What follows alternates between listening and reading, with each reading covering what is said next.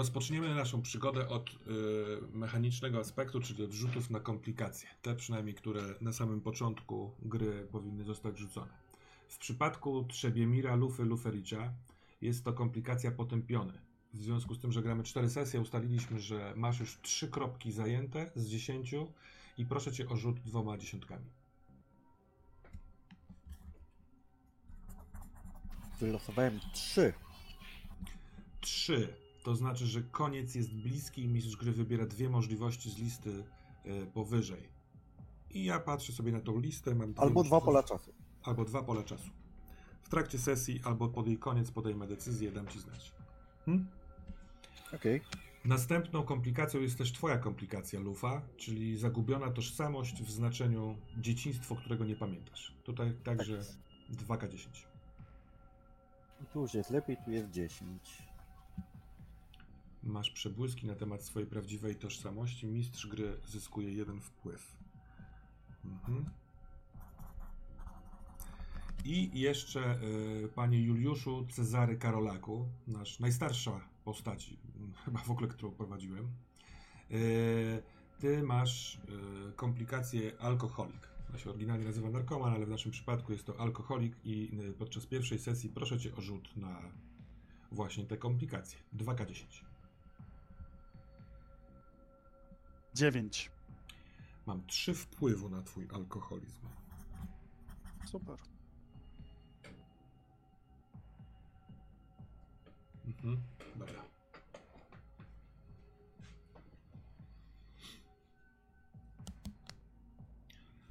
Kończy się dzień 30 października 2021. Kończy w takim sensie dosłownym, bo jest za 5 północ.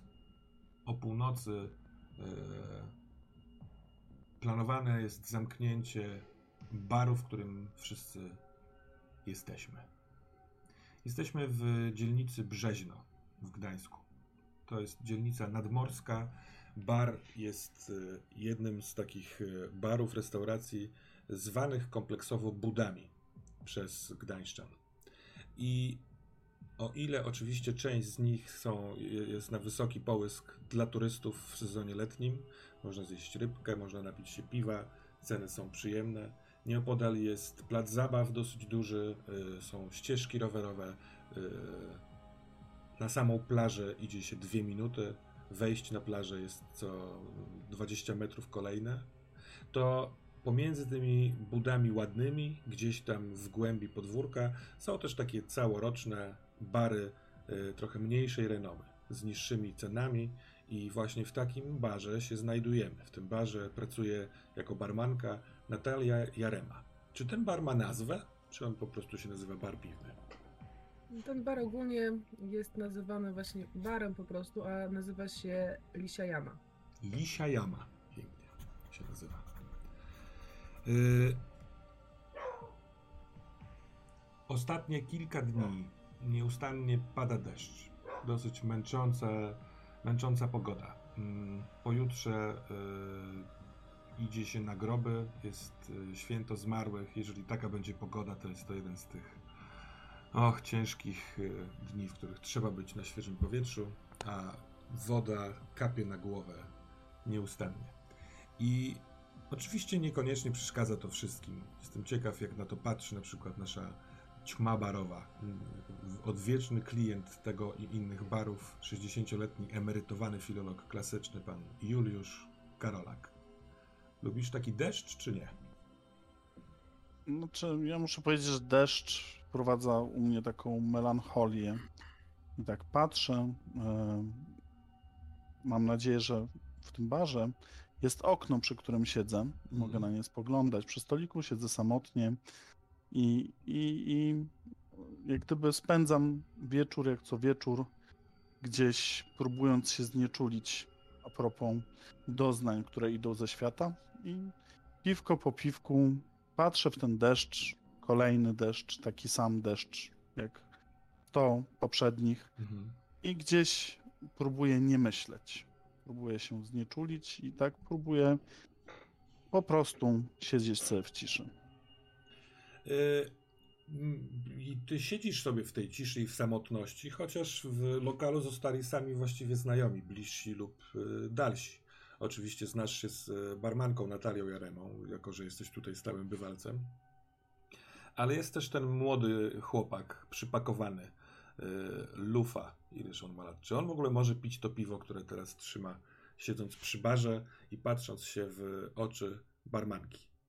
Jak wygląda Lufa? Lufa jest wysoki chyba. 185 cm, może 186, ciężko stwierdzić. Czasem zakłada trochę grubsze buty. Ubrany jest w dresy. Jest trochę zimniej, więc ma szalik po meczu wyjazdowy. Teraz już delikatnie zaczerwienione policzki, ponieważ wypił trochę też. Na zewnątrz było zimno, a praktycznie całe popołudnie po meczu spędziliśmy świętując na że tak powiem, alkoholowej libacji z chłopakami. Mhm. Wróciliśmy busem tutaj i jak jeszcze po jednym, dwa piwka wypiliśmy, chłopaki się rozeszli. Zostałem tutaj. A mecz zwycięski? Mecz zwycięski 2-0 Yeah. po 90 minucie wygrany. No, Lech Karny, ma niezły sezon, co? no oczywiście, liczymy na top 4. Ale, Może się uda w pucharach zagrać. A powiedz mi, czy kiedy twoi kumple i temat meczu yy, raczej z nimi odszedł, to kiedy teraz siedzisz przy barze i patrzysz na barmankę, to cały czas piłka nożna zaprząta ci głowę, czy, czy jakiś inny temat? Piłka nożna jest bardzo ważna w moim życiu, ale ona jakby trochę spływa. To jakby jeszcze ostatnie, ostatnie słowa, ostatnie zdania. Staram się Natalii przekazać może o świetnych obronach Kuciaka, o tym jak to pięknie Flavio trafił tą brameczkę z karnego, ale powoli zaczynam tonąć w takich myślach trochę innych, że w sumie zostaliśmy już sami i się spoko gada. A Natalio, czy mogę prosić, a jak ty wyglądasz? Ja jestem średniego wzrostu.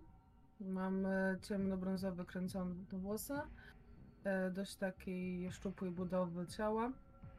E, Na ramionach mam dużo tatuaży, ale nie są to jakieś takie rękawy, tylko raczej takie pojedyncze wrzutki z różnymi dziwnymi symbolami, ale każdy dla mnie coś znaczy. E, e, Mam zielone oczy, z reguły takie takim trochę niewidzącym wzrokiem na wszystko patrzę. No i słucham teraz tego, co Lufa mówi. Jednym uchem słucham, drugim uchem wypuszczam, bo raczej piłka nożna to nie jest coś, co mnie bardzo interesuje, ale lubię jak tutaj przychodzi, lubię jak do mnie rozmawiam.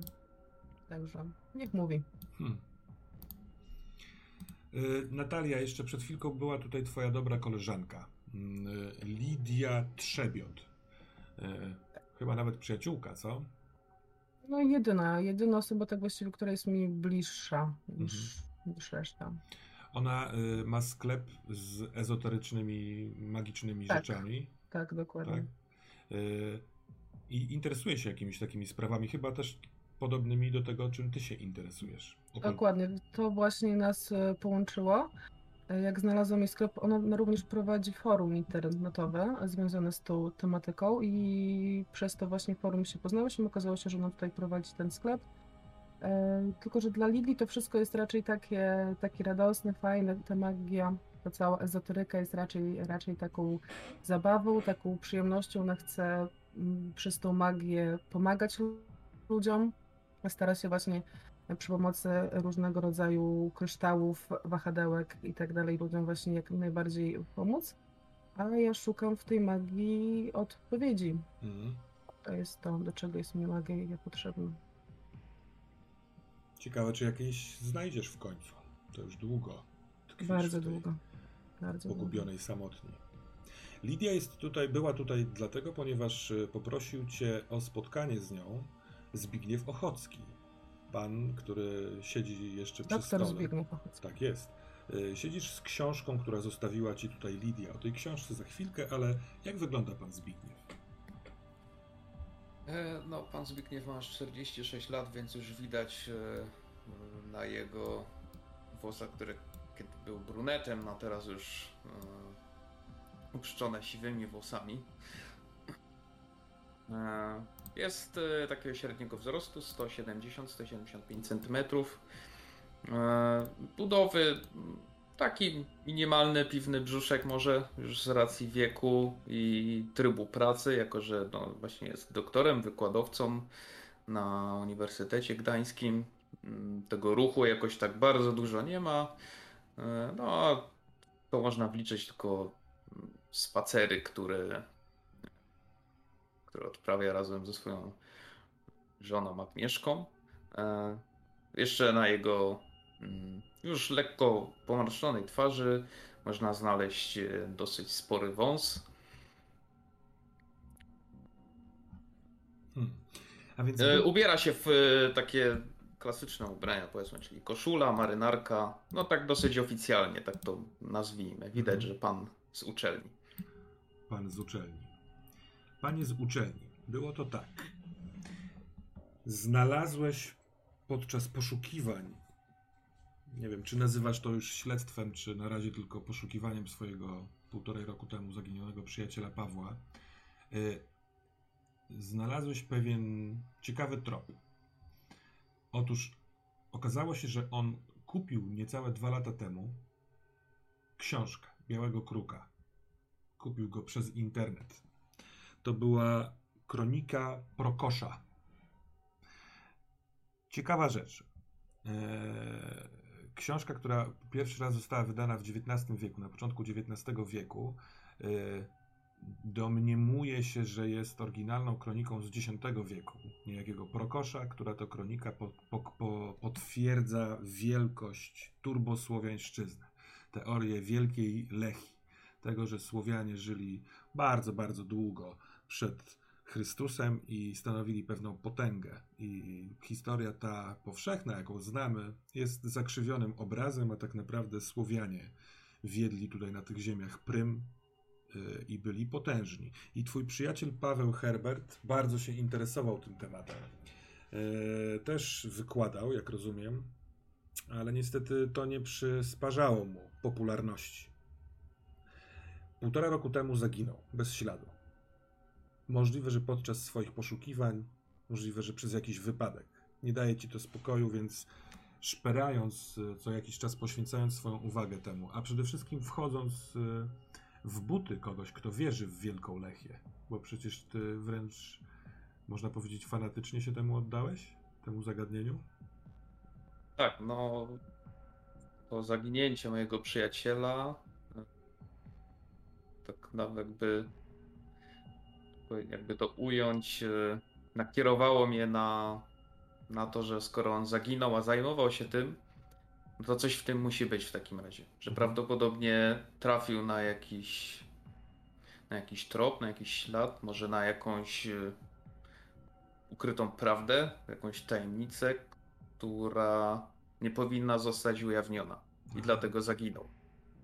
Bo policja bardzo szybko zaprzestała poszukiwań Pawła. Hmm. I z mojej perspektywy wyglądało to tak, jakby no nawet nie chcieli, żeby został znaleziony. I połączyłem kropki, że no skoro zaginął, a zajmował się tą tematyką, do tego jeszcze ta informacja o tym kupnie książki, uznałem, że coś w tym musi być i sam zacząłem zgłębiać to, mm, interesować się tym tematem. Ja myślę, że ta kronika Prokosza, jako taki jeden z głównych tekstów źródłowych dla zwolenników tej teorii, jest ci znany. Ale zainteresowało cię to, że e, on naprawdę dużo pieniędzy zapłacił za e, bardzo rzadkie już teraz e, wydanie. Wydanie tej książki w e, wydawnictwie gdańskim, a właściwie Wolnego Miasta Gdańsk z roku 1937. I w internecie informacje, które udało ci się znaleźć, polegały na tym, że różni się od, y, od oryginału tym, że zostało okraszone przedmową człowieka, który także interesował się tym tematem i mieszkał i był gdańszczaninem. I kiedy szukałeś, czy można gdzieś kupić, zdobyć tę książkę, ona się pojawia czasami w sklepach z takimi rzeczami, ale naprawdę kosztuje kilka dobrych tysięcy. Natomiast natrafiłeś na e, prywatną kolekcję pani Lidii Trzebiot, o której wiesz, że jest przyjaciółką koleżanki, w sensie kobiety, której zna, którą znasz z baru. I zaaranżowałeś, poprosiłeś o spotkanie, czy mógłbyś przejrzeć tę, tę książkę. I jesteś na świeże po spotkaniu z tą Lidią Trzebiot. Ona nie zamierza sprzedawać jej, bardzo nie chciałaby pożyczać tej, ksi- tej książki, bo wie, wie, jaka jest jej wartość, ale przyniosła ją ze sobą, y, mogłeś sobie y, ją przejrzeć, zrobić zdjęcia, ale z jakimś sposobem okazało się, że ona ci jednak zdecydowała się pożyczyć, zostawić ci tę książkę. Y, Sama chciała już jechać do domu, będąc zmęczoną, a ty masz stare wydanie, papier pachnący poprzednimi czasami. Wertujesz tę kilkunastostronicową przedmowę, jak się okazuje, wojskowego, pułkownika Andrzeja Łojeckiego, który w formalny sposób, ale z takim dużym uczuciem, jednak ukrytym pomiędzy tymi formalnościami, pisze o największej prawdzie swojego życia, o tożsamości, która siedzi głęboko w nim, wielkiego Słowianina. Teraz jest późno, teraz jest ciemno, wiesz, że za chwilkę bar będzie zamykany, więc tak naprawdę przeglądasz tę książkę, a ty, Juliuszu, wsłuchany przez chwilkę w piosenkę, która leci w, z głośnika, jakaś wokalistka śpiewa coś po angielsku, patrzysz jak kręci się piwo w twojej szklance i z tej szklanki słyszysz głos swej matki, która mówi, często mówi w twojej głowie, kiedy masz przy sobie pewien przedmiot. Ona teraz mówi spokojnie, Juliuszku, tylko nikomu tego nie dawaj. Kiedy słyszysz mamę, to to cię niepokoi jeszcze, czy wręcz przeciwnie? Co to jest za uczucie? To się zdarza dosyć często. Gdzieś ja pijąc ten trunek, jeden, drugi, obojętnie jaki, gdzieś jak gdyby cały czas jestem w przeszłości. Analizuję to, jak się zdarzyło. Czasami zupełnie nie zwracam już na to uwagi, odcinam się trochę od rzeczywistości i, i, i nie jest to, że mnie niepokoi, ale doskonale wiem, takie uczucie mną wzmaga, jeżeli chodzi o ten przedmiot. Ja Mhm. wiem, że go trzeba pilnować i go nikomu nie oddawać.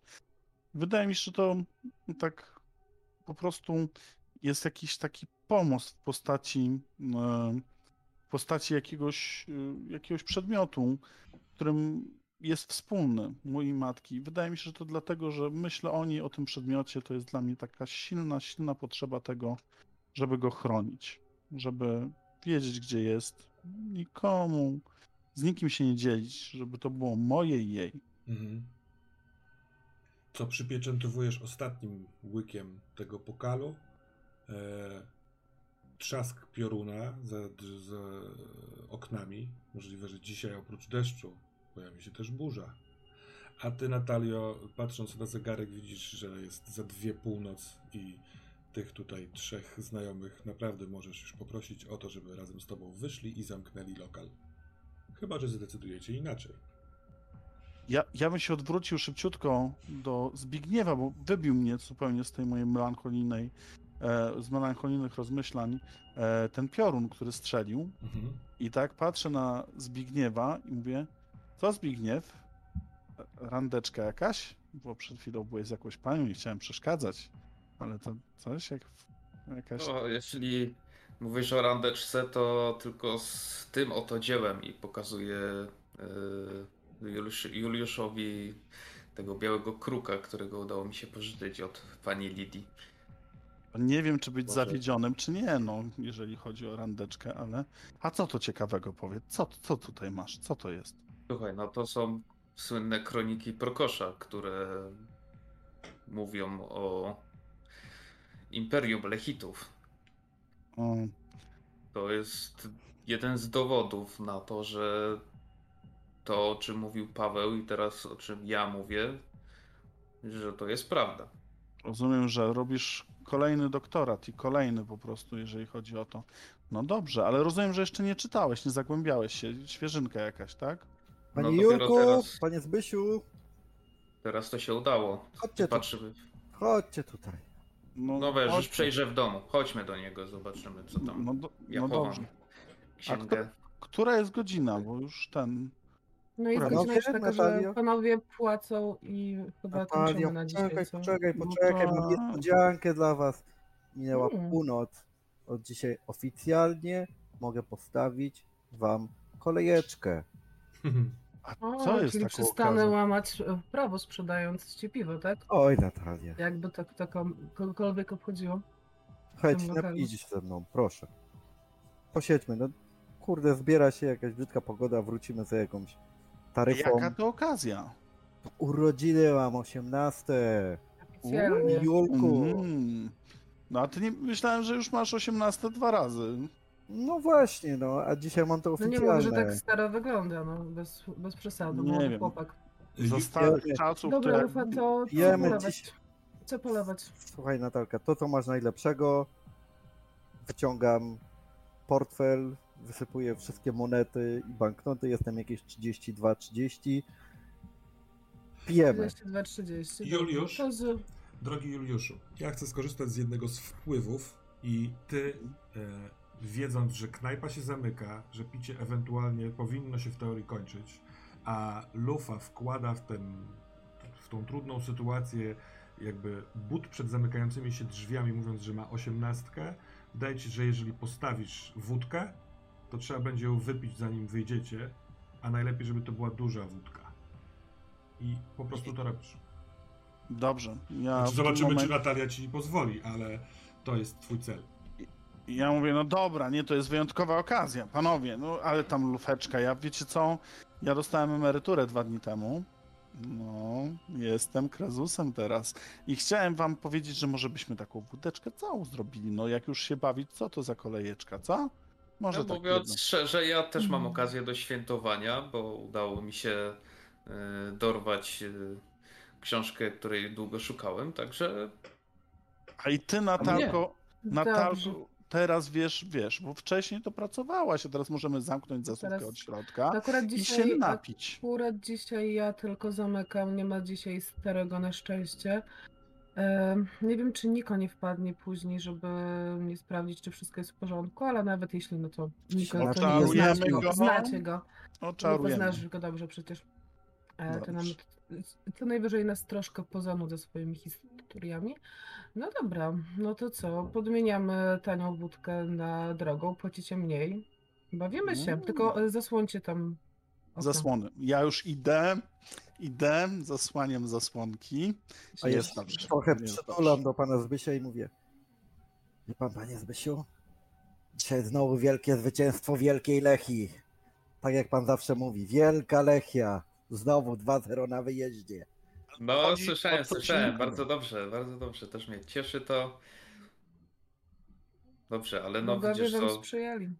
jak masz osiemnastkę, no to, to jest, nie no, to wszystko, wszystko zapisane, no, no, dokładnie. Ej tam, jakie panie, no. Zbysiu po prostu. Wie pan, panie tak- Zbysiu, tak jakoś nie wypada zawsze. Aj tam, lufa. Ja do ciebie mówię po pseudonimie, a ty będziesz mi panie mówił. No. Bo żeby wymówić jego imię po takiej dawce alkoholu, po jakiej z reguły panowie jesteście, to jednak, jednak łatwiej lufę. Mhm. Nie, takie inspirujące imię powiem. Inspirujące, tak. I siup, hop. To poproszę cię, Julek, żebyś powiedział jej za cztery kieliszki. Dobrze, dobrze. A y, Juliusz wypił. Czy wszyscy piją, czy nie? E, Ja bym chciał to trochę, tak trochę pocelebrować, że podnieść ten kieliszek do góry, stuknąć Właśnie, się. może jakiś, może jakiś. Ja już nalany mam następny Mhm. do celebracji. Ja tak właśnie jak y, nasz drogi lufa też właśnie uczcić jego urodziny i moje małe zwycięstwo i myślę, że każdy tutaj ma jakiś swój y, powód do celebracji także. I w tym momencie gdzieś tam mnie ukucie wewnętrznie berze, ale lufa, lufa.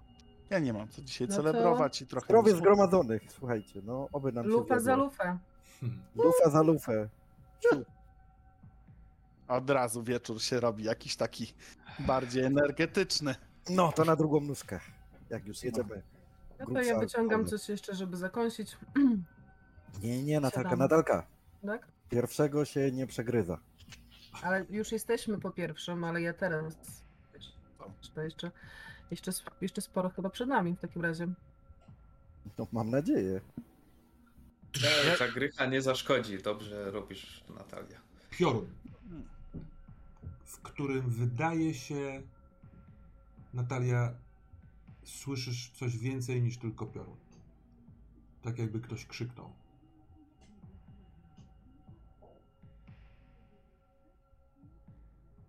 Ja to często słyszę? Czy jakby to jest coś, co ja. Nie, Nie. to jest coś po prostu, Nie, co w tej chwili. No, pioruny w ogóle No, przyszły tak, dopiero pioruny dzisiaj. ogóle Wcześniej, tak, no. wcześniej To nie jest w było ogóle burz. bardzo dziwne.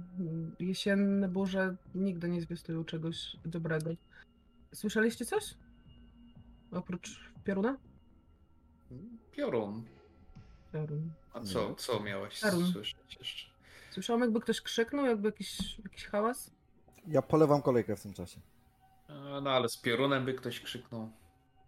No to... A Że może w kogoś wydawało. trafił piorun? Hmm? No, A to nie, wtedy no, by nie wtedy ktoś krzyknął. by nie, no właśnie, nie byłby w stanie krzyknąć, Julku. no A, ale to może jeszcze jedną kolejeczkę i zaraz... Ju, już No polewam. dobra, to ja Pani jakby uspokajają mnie na tyle, że to prawdopodobnie mi się przesłyszało, że no piję kolejnego szota z nimi. Ale cały czas mam gdzieś to w głowie z tyłu. kiedy wlewasz wódkę do ust, słyszycie już teraz wszyscy. Stój! I to jest krzyk rozpaczliwy. Głos y, młodej kobiety albo dziewczyny. Głos, który Zbigniew rozpoznałbyś wszędzie. To twoja córka. To jest na zewnątrz budynku. Y, To ja krzyczę, to moja córka i wybiegam w tym momencie. Podążam za jej głosem. Mhm. Dopadasz do drzwi wyjściowych. y, Otwierasz, one już były zamknięte na klucz, w związku z tym, że lokal jest zamknięty, żeby nikt wam nie wszedł. Przez chwilkę ten, ten, ten klucz, y, w sensie te, zatrząsł się w twoich dłoniach, kiedy otwierasz drzwi. E, Lisia jama jest y, parę kroków od chodnika, który jest równolegle z linią plaży. Od tego chodnika do plaży taki wąski pas y, wydm i pomiędzy budynkami dwóch restauracji na tym chodniku widzisz leżącą twoją córkę, która próbuje się podnieść z takiej pozycji leżenia na brzuchu i klatce piersiowej. To jest osoba w wieku 17-18 lat, jak rozumiem, Kasia, licealistka, Kasia. Mhm. zresztą z klasy Trzebiemira, który może nie Jak się poznał. później okazało, tak. Tak. No więc ona leży, patrzy w stronę, no tak jakby jak, jak prowadzi chodnik, w prawo. Nie do końca widać na co, bo budynek zasłania. Ja lecę do niej, Mhm. e, próbuję, e, czy chcę jej pomóc podnieść się Mhm. i pytam się, Kasia, co się stało? Do, do jest kogo to krzyczałaś? w szoku przez chwilkę, że, że ty się pojawiłeś. Co ty robisz? Wer- wer- wer- ona sobie zrobi coś złego, ona sobie zrobi coś złego, tato. I pokazuje palcem przed siebie w stronę Gdańska. We, we, to była Weronika. O, o. We, Weronika z, mo- z mojej klasy. Co ty w ogóle dziecko robisz? O tej porze przy północ z domu powinnaś być. Matka wie? Ja wybiegam z Mhm. baru, mówiąc im, żeby tu poczekali. Jak dobiegam, to próbuję ich zagarnąć, żeby weszli do środka. Mhm.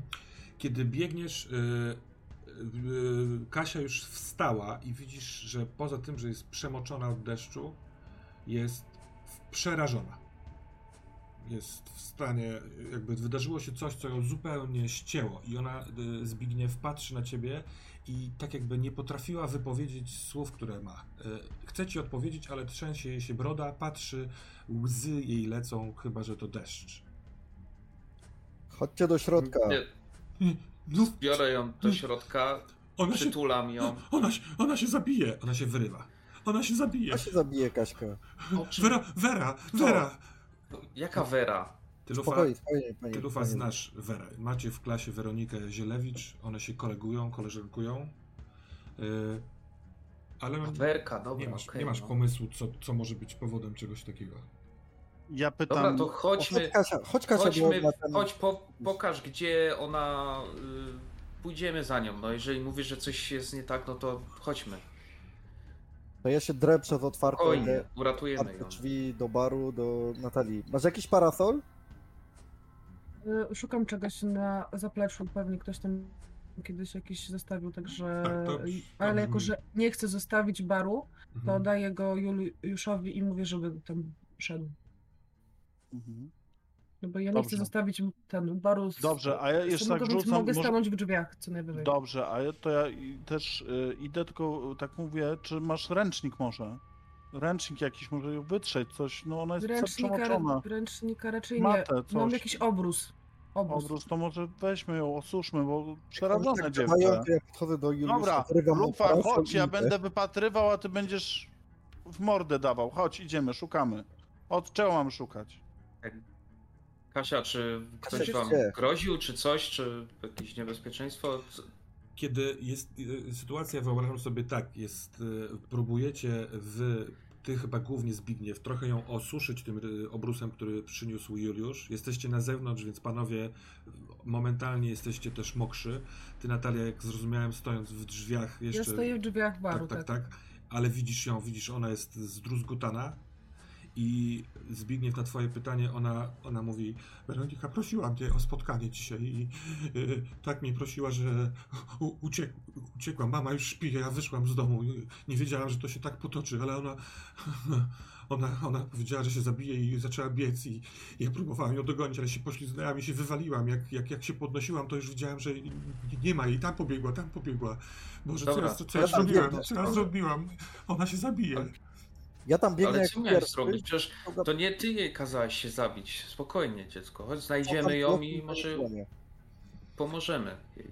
E, przepraszam, Zbigniew, rozumiem, co ty mówisz. By- Lufa, to ciebie zagłuszyło. Co ty masz? Chcesz? Tak, że biegnę w tamtym kierunku, jakby zostawiając ich trochę z tyłu, Mhm. w której Kaśka, i wyciągam telefon i próbuję zadzwonić do Weroniki. Dobra, dobra. E, Natalia, w momencie, kiedy ona e, jest suszona i mówi te słowa Zbigniewowi, to centralny punkt na twoich plecach zaczyna się rozgrzewać. Nie. Zdarza się to czasami, czy nie? Zdarza się to częściej niż bym chciała, żeby się zdarzało.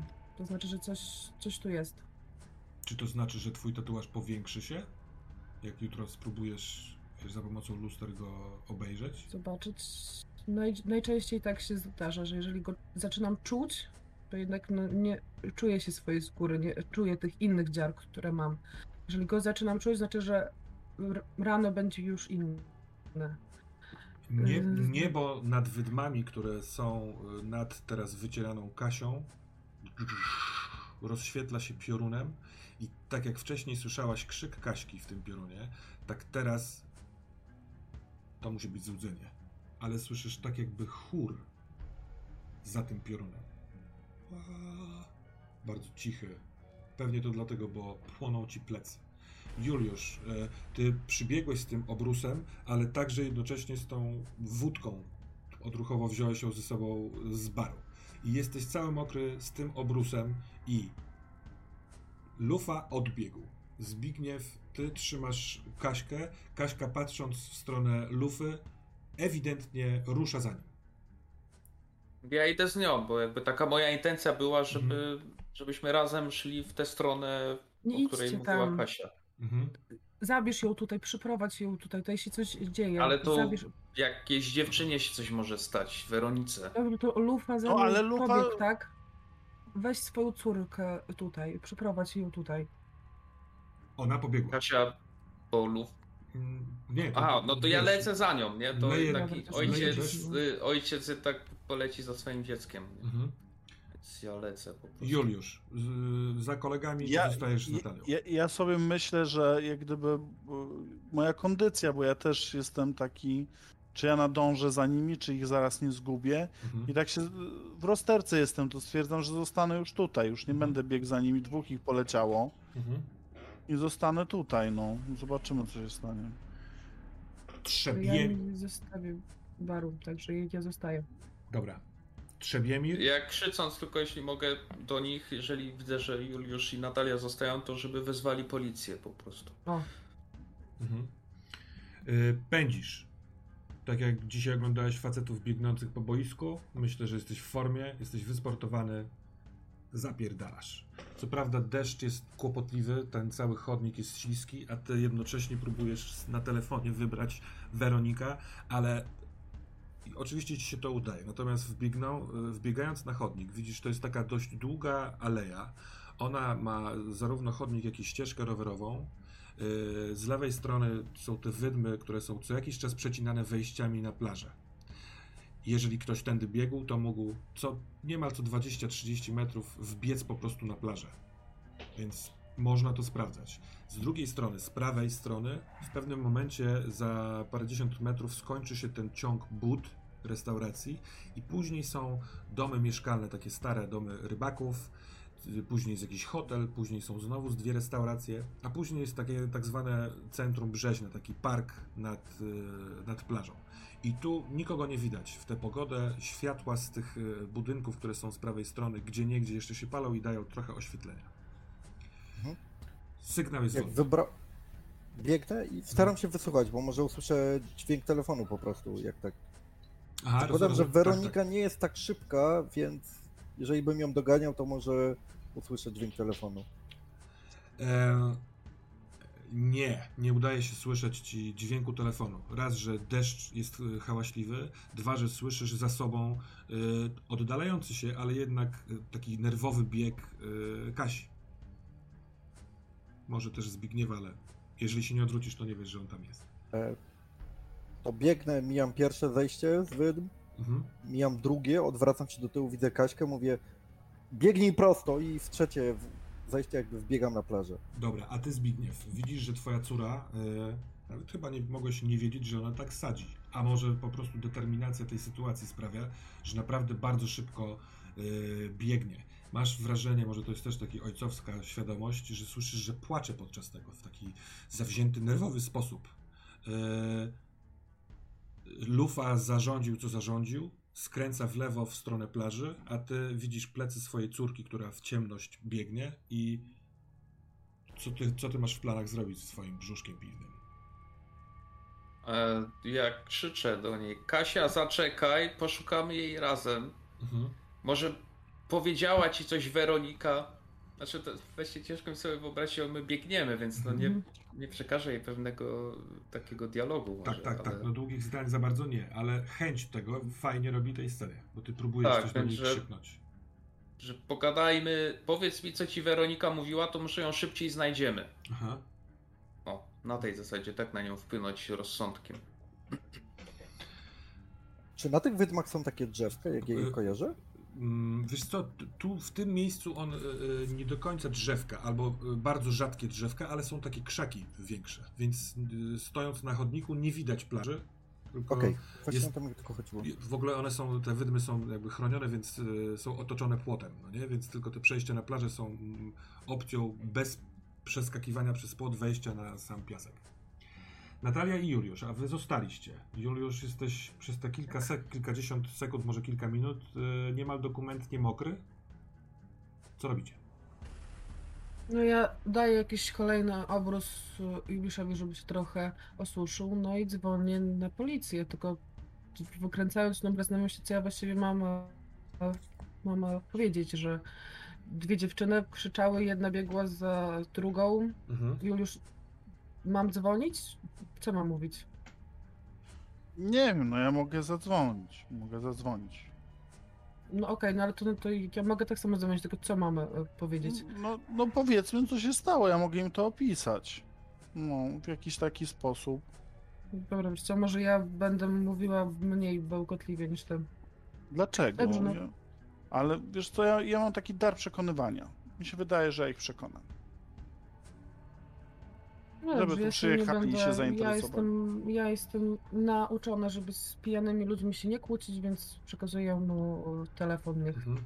dzwoni I- po policję. Dobra. I ja biorę, zbieram się w sobie i dzwonię i do, do, do, na policję do dyżurnego na 112. Mhm. Mam taki starą, stary telefon jeszcze z tyłu, ma przycisk alarmowy, jakby mi się coś stało, że mogę go nacisnąć. Tylko problem polega na tym, że nie, nie jestem w stanie go powiązać z żadnym numerem, ale są takie duże klawisze, a więc ja tam spoko jestem w stanie obsłużyć. Kiedy doci- naciskasz tę zieloną, dużą słuchawkę, to dociera do ciebie żał- żałość sytuacji, że cały czas robiąc to trzymasz trzy czwarte wódki w ręku, żeby jej nigdzie nie odstawić. Znaczy już teraz jedną czwartą. No, po trzech kolejkach y, ty dobrze wiesz, ile tam jest. Tak, znaczy, bo mi się wydaje, że jak trzymałem tą wódkę w ręce, to ona sama tam mm, w momencie tej całej sytuacji, nie Wędrowała. wiem ile upłynęło, wędrowała tam w ramach regulacji Ja emocji, ale. Mhm. Dobrze, No, tak czy owak dzwonisz na, e, na policję, sygnał jest wolny. Lufa, Mhm. kiedy skręciłeś w lewo, to jest takich e, właśnie jakby pomiędzy, e, korytarz piaskowy pomiędzy wydmami. Czuć od razu powiew chłodu, powiew e, Bałtyku, to taka wilgotna świadomość, że tam, mimo że jest zupełnie ciemno, że tam jest dużo wody. Ale w momencie, kiedy robisz dwa czy trzy kroki, żeby wejść na ten wiesz, na plażę, to czujesz ukucie w mostku, takie delikatne i słyszysz w głowie jeszcze nie to wejście. I proszę cię o rzut na weź się w garść. Okej. Znasz dość dobrze ten głos, który się odezwał. On nie mówił do ciebie, tylko usłyszałeś go jakby we wspomnieniu. Rzuciłem dwa. Dwa na weź się w garść. E, Do tego się coś dodaje? Chyba nie. dodaje się oczywiście siłę woli, ale i tak nie prze, przebijesz dziewięciu. Czyli to jest dalej dwa. Mhm. Dobrze. Ja coś wybieram, czy ty? Nie, nie, ja wybieram w, te, w takim przypadku. To głos twojej matki, Sybilii.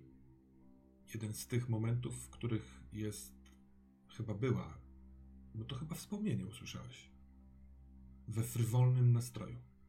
Tak jakby komuś lekko rzucała, że się pomylił w wyborze wejścia na plażę. Jeszcze nie tu. Ale dlaczego teraz to usłyszałeś? Pierwszy raz takie coś. Jeszcze te dziwne ukucie yy, w mostku, tak jakby ktoś cię palcem zatrzymał.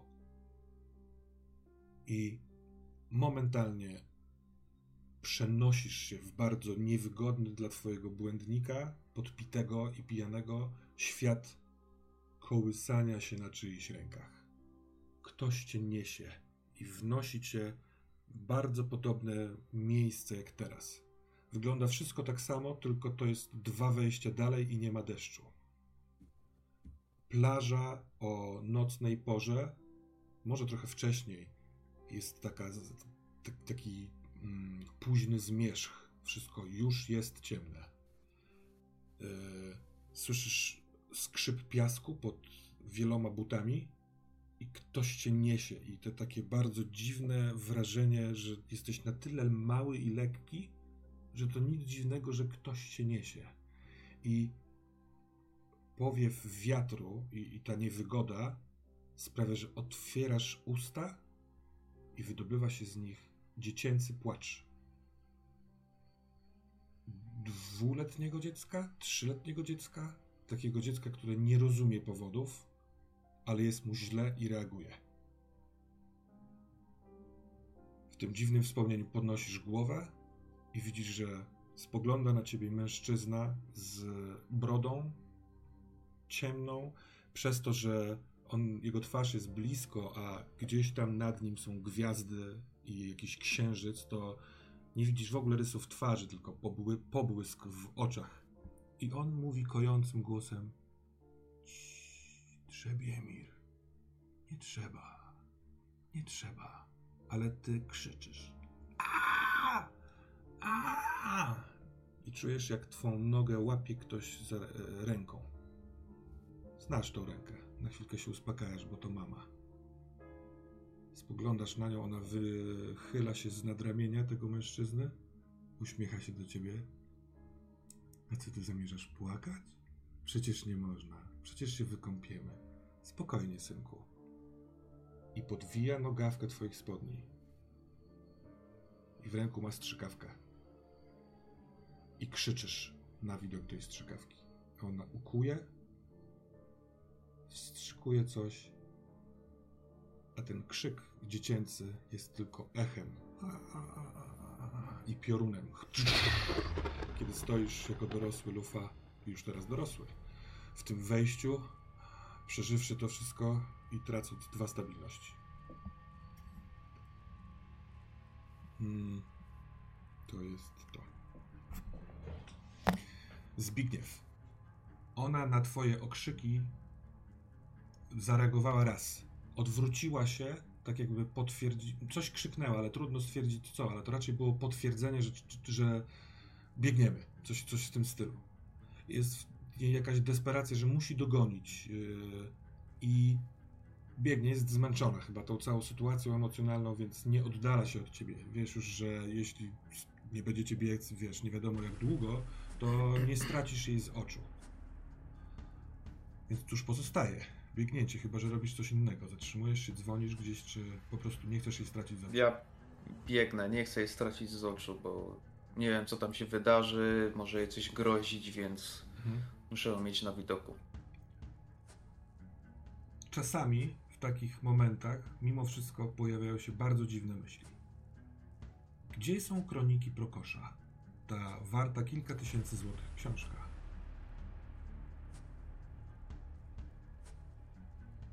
Wkładałem ją do torby, jeśli dobrze pamiętam. Masz torbę ze sobą, czy została w lokalu? Ja miałem ją przy sobie, myślę. Dobra. Nie odkładałbym jej takiego cennego dzieła jednak. To sądzę, że od tego momentu, mimo że chcesz biec jak najszybciej, to łokciem albo dłonią zabezpieczasz tę torbę, tak żeby przypadkiem nie wypadła, wiesz, nie wiem, czy coś takiego. czy Ona tam- może, ona pewnie miała, y, jest na takim mm, długim uchwycie, więc po prostu ją podnoszę i tak przytulam do swojego Mhm. boku. Tak, żeby deszcz No tam nie napadał. Dobra. Tak, tak, gdzieś tutaj sprawdzam, czy na pewno zakryłem y, wejście. Dobra. E, Juliusz, w pewnym momencie jest halo tutaj. e, czy chcesz coś specjalnego powiedzieć, czy po prostu dajesz takie zgłoszenie? Daję takie wydarzyło? zgłoszenie. Mhm. Znaczy referuję, co się wydarzyło, próbując jak najbardziej rzeczową oddać sytuację i rzeczywiście przerażona dziewczyna Mhm. biegnie i jak gdyby próbujemy jej pomóc, bo mówi, że ktoś chce się targnąć na swoje życie. Natalia? Słyszysz, Ja słyszysz głos słyszę. pijanego mężczyzny, który dzwoni na policję. Łamie mu się, ja wykrzywia wiem, z że- półgłoski. Ja wiem, że to nie ma za bardzo sensu i teoretycznie myślę, że tak podświadomie chyba chciałam, żeby on zadzwonił, bo nie chciałam, żeby przyjeżdżała policja. E, więc czekam, aż skończy tą Mhm. rozmowę. W tym czasie szukam w swojej torbie, e, mam taki, to jest, to się nazywa Wegwisir, to jest e, runiczny kompas, który Mhm. wskazuje y, drogę. Mhm. No i będę, będę miała zamiar za chwilę zamknąć bar, wystawić Juliusza przed bar, no i idę ich szukać, bo mam, dostałam nagle takiego poczucia winy, że ja zostałam sobie tutaj, a oni gdzieś w deszczu z jakimiś przerażonymi dziewczynami e, biegają, także tak mam No, taką jesteś, to fajnie pasuje, bo ty jesteś dosyć rozbita, porozbijana przez doświadczenia swojego życia. Ja nagle e, poczułam po prostu, że to mogła być ja. Nie pobiegłaś, po, potem zos- zostałaś tutaj, Mhm. a teraz chcesz biec. Juliuszu, y, pani przyjęła, powiedziała, że dobrze, wysyłamy samochód na pętlę tramwajową.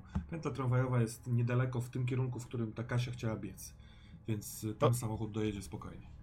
To ja... Także, Proszę. Także słuchaj, już e, ja muszę zamknąć, jeżeli chcesz czekać na policję, Nie, ja, ja przecież muszę iść na e, tą, na pętlę tramwajową, bo oni przyja. No A więc jak oni przyjadą, to ja im wszystko To- wytłumaczę. Wszystko im wytłumaczysz. Biorę wszystko, dobrze, dobra, dzięki. Ja mu A zabieram flaszkę, ja mu zabieram tą resztkę. Znaczy, A, ale my kupiliśmy, zapłaciliśmy przecież za flaszkę. Dobrze, to zostanie. Zostanie, zachowam ją pod barem. Raczej do policjantów z flaszką w ręku. Jak bardzo wiarygodny, jak bardzo wiarygodno, jest mi już się samej po tym alkoholu język kończy, jak bardzo wiarygodny będziesz idąc tam z flaszką w ręku. Ale... Dobrze, Dobra, dobrze. zabieram mu to, jestem Dobrze. zwinniejsza. w tej Juliusz, chwili. Juliusz, w momencie, kiedy Natalia zabiera ci wódkę, ty jesteś, w, wizualizujesz sobie siebie, jak w deszczu idziesz na pętlę i czekasz, jest zimno w chuj, mokro wszędzie i zanim te psy dojadą, to ty byś tę flachę już dawno pękł, przynajmniej by ci było ciepło, zapłaciłeś za nią, teraz widzisz jak Natalia chowa ją do gdzieś tam. pod- Zabar, pod bar. Nie, na, Natalia, posłuchaj, bo ja chciałem tutaj uczciwość. Uczciwość i lojalność, ja zawsze lojalnie przychodzę, ale daj mi tą wódeczkę, no bo on nie wiadomo kiedy przyjadą, zimno będzie. Nie, ja bardzo bym chciał jednak, żebyś mi oddała. Juliusz, ale oni się jeszcze, oni ciebie zgarną za picie w miejscu publicznym. Ja ją schowam do torby. Do torby ją schowam. Dobra, ja nie mam czasu na to. Oddaję mu tu Mhm. flaszkę. I Masz jeszcze jakiś jeden parasol, ja już bez e, parasola. Dzięki szybko Natalia, bar. dzięki, Dobra, dzie- dzięki. Idziesz na dzięki. pętlę, jak coś, to I, my i, biegniemy. idę, idę, do torby chowam. Do Do... torby chowasz. Tak naprawdę Na idzie, pewno i- wszystko? idziecie w tym samym kierunku przez większość drogi, bo ta pętla jest Aha, idziemy dokładnie w tym tak. samym. Tak, tak, tak. Bo Aha. tam, tam, gdzie pobiegli Okej. mężczyźni, no nie? I tak, e, w sensie, i oczywiście ta dziewczyna. Aha, bo ja myślałam, że to będzie w dwóch innych. Nie, To nie, okej. Dobra, No to bo e, jeśli Juliusz przez telefon wyjaśnił, dokąd pobiegła ta dziewczyna, to tam po Mhm, prostu to to łatwo będzie- dojechać aha. samochodem do, na pętlę i stamtąd y, pójść na te, do tego parku. Dobra, dobra, dobra. No to ja trzymam. Co to jest za kompas? To, wisir? masz jakiś specjalny? Tak, to jest, e, to jest islandzki to jest islandzki runiczny kompas. On e, służy i do ochrony, ale także e, z reguły sobie marynarze go tatuowali, Mhm. żeby znaleźć e, drogę. Jeżeli ja się mocno skupię, to jestem pewna, że będę w stanie znaleźć ich, tak? No bo jest teraz ciemny, pada deszcz, Ale to ich- nie, nie ich- końca wiem. Ich kogo? Ich, Kogoś w czyli potrzebie? Lufę, tak, Lufę, Zbyszka, no wszystkich, Dobra, tak? dobra. Tego, kogo chcę. Czy ja Mhm. mam sobie jakoś rzucić na to? Nie, nie, nie, nie, nie. Ruszacie. W sensie Mhm. n- ru- ruszacie w stronę, w której pobiegli i patrzysz na ten kompas. Na razie drga wskazówka.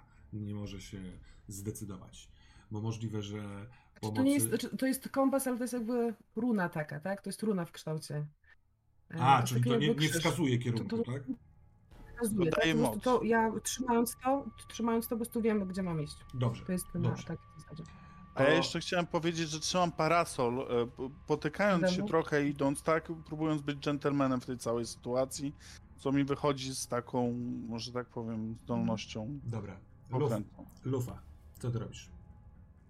A czy w siatce jest jakiś wyłom? Bo chciałbym nie wbiegać na te wydmy, bo po wydmach się ciężko biegnie, ale nie chcę wracać e, do, z powrotem na drogę, tylko chciałbym przebiec jakby pomiędzy tymi chaszczami. Tam pewnie jest tak, co sobie przynajmniej widzę, że te chaszcze są takie, że się daje omijać czasem te pojedyncze drzewka. Tak, brakuje je- mi dziury w siatce, jeżeli nie ma, to będę próbować przeskakiwać przez tą siatkę. Wiesz co, e, dziury nie ma, przeskoczenie jest oczywiście możliwe przy twojej atletyce, tylko to jest niewygodne, bo to nie jest taki sztywny płot, tylko taki pomiętolony stary płocior, no nie? Więc Ale przez... wiesz to, szukam jakiegoś, nie wiem, palika, kołka Tak. czy czegoś takiego i próbuję się o to oprzeć jak najbardziej do góry, po prostu jednym takim Mhm. przeskokiem jakby nogi w pozycji poziomej i przeskoczyć nad tym. To się daje. To po prostu jest odrobinkę niewygodne, ale spo- spokojnie się daje, a ty wbiegasz na wydmę i biegniesz pomiędzy tymi chaszczami. Dzięki temu masz z lewej strony widok na morze, taki ciemny widok. Ciemno jest, tam jest ciemno, co jakiś czas roztrzaskiwuje się piorun i wtedy widać tę wielką, wielką toń. Z prawej strony widzisz ten chodnik, po którym biegłeś, a i widzisz pewnie przed sobą właśnie wbiegającego w em, na taki chodnik prowadzący już bezpośrednio do parku plecy Zbigniewa Ochockiego. Dziewczyn na plaży ani jednej, przynajmniej Weroniki, nie widać. E, Czy Zbigniew skręcił też w lewo jakby w kierunku tej plaży, czy on biegnie cały czas Nie, nie. chodnikiem prosto? Tak, prosto. Tam trzeba zrobić taką zawikę, ale to jest nieistotne, ale prosto, czyli do parku. Bo Co z telefonem? mm, Weronika nie odbiera po, po Nie wielu... odbiera, rozłączył się telefon? Tak jest. A, I nie słychać też dzwonka tego telefonu. okręcę do Kaśki. Mhm.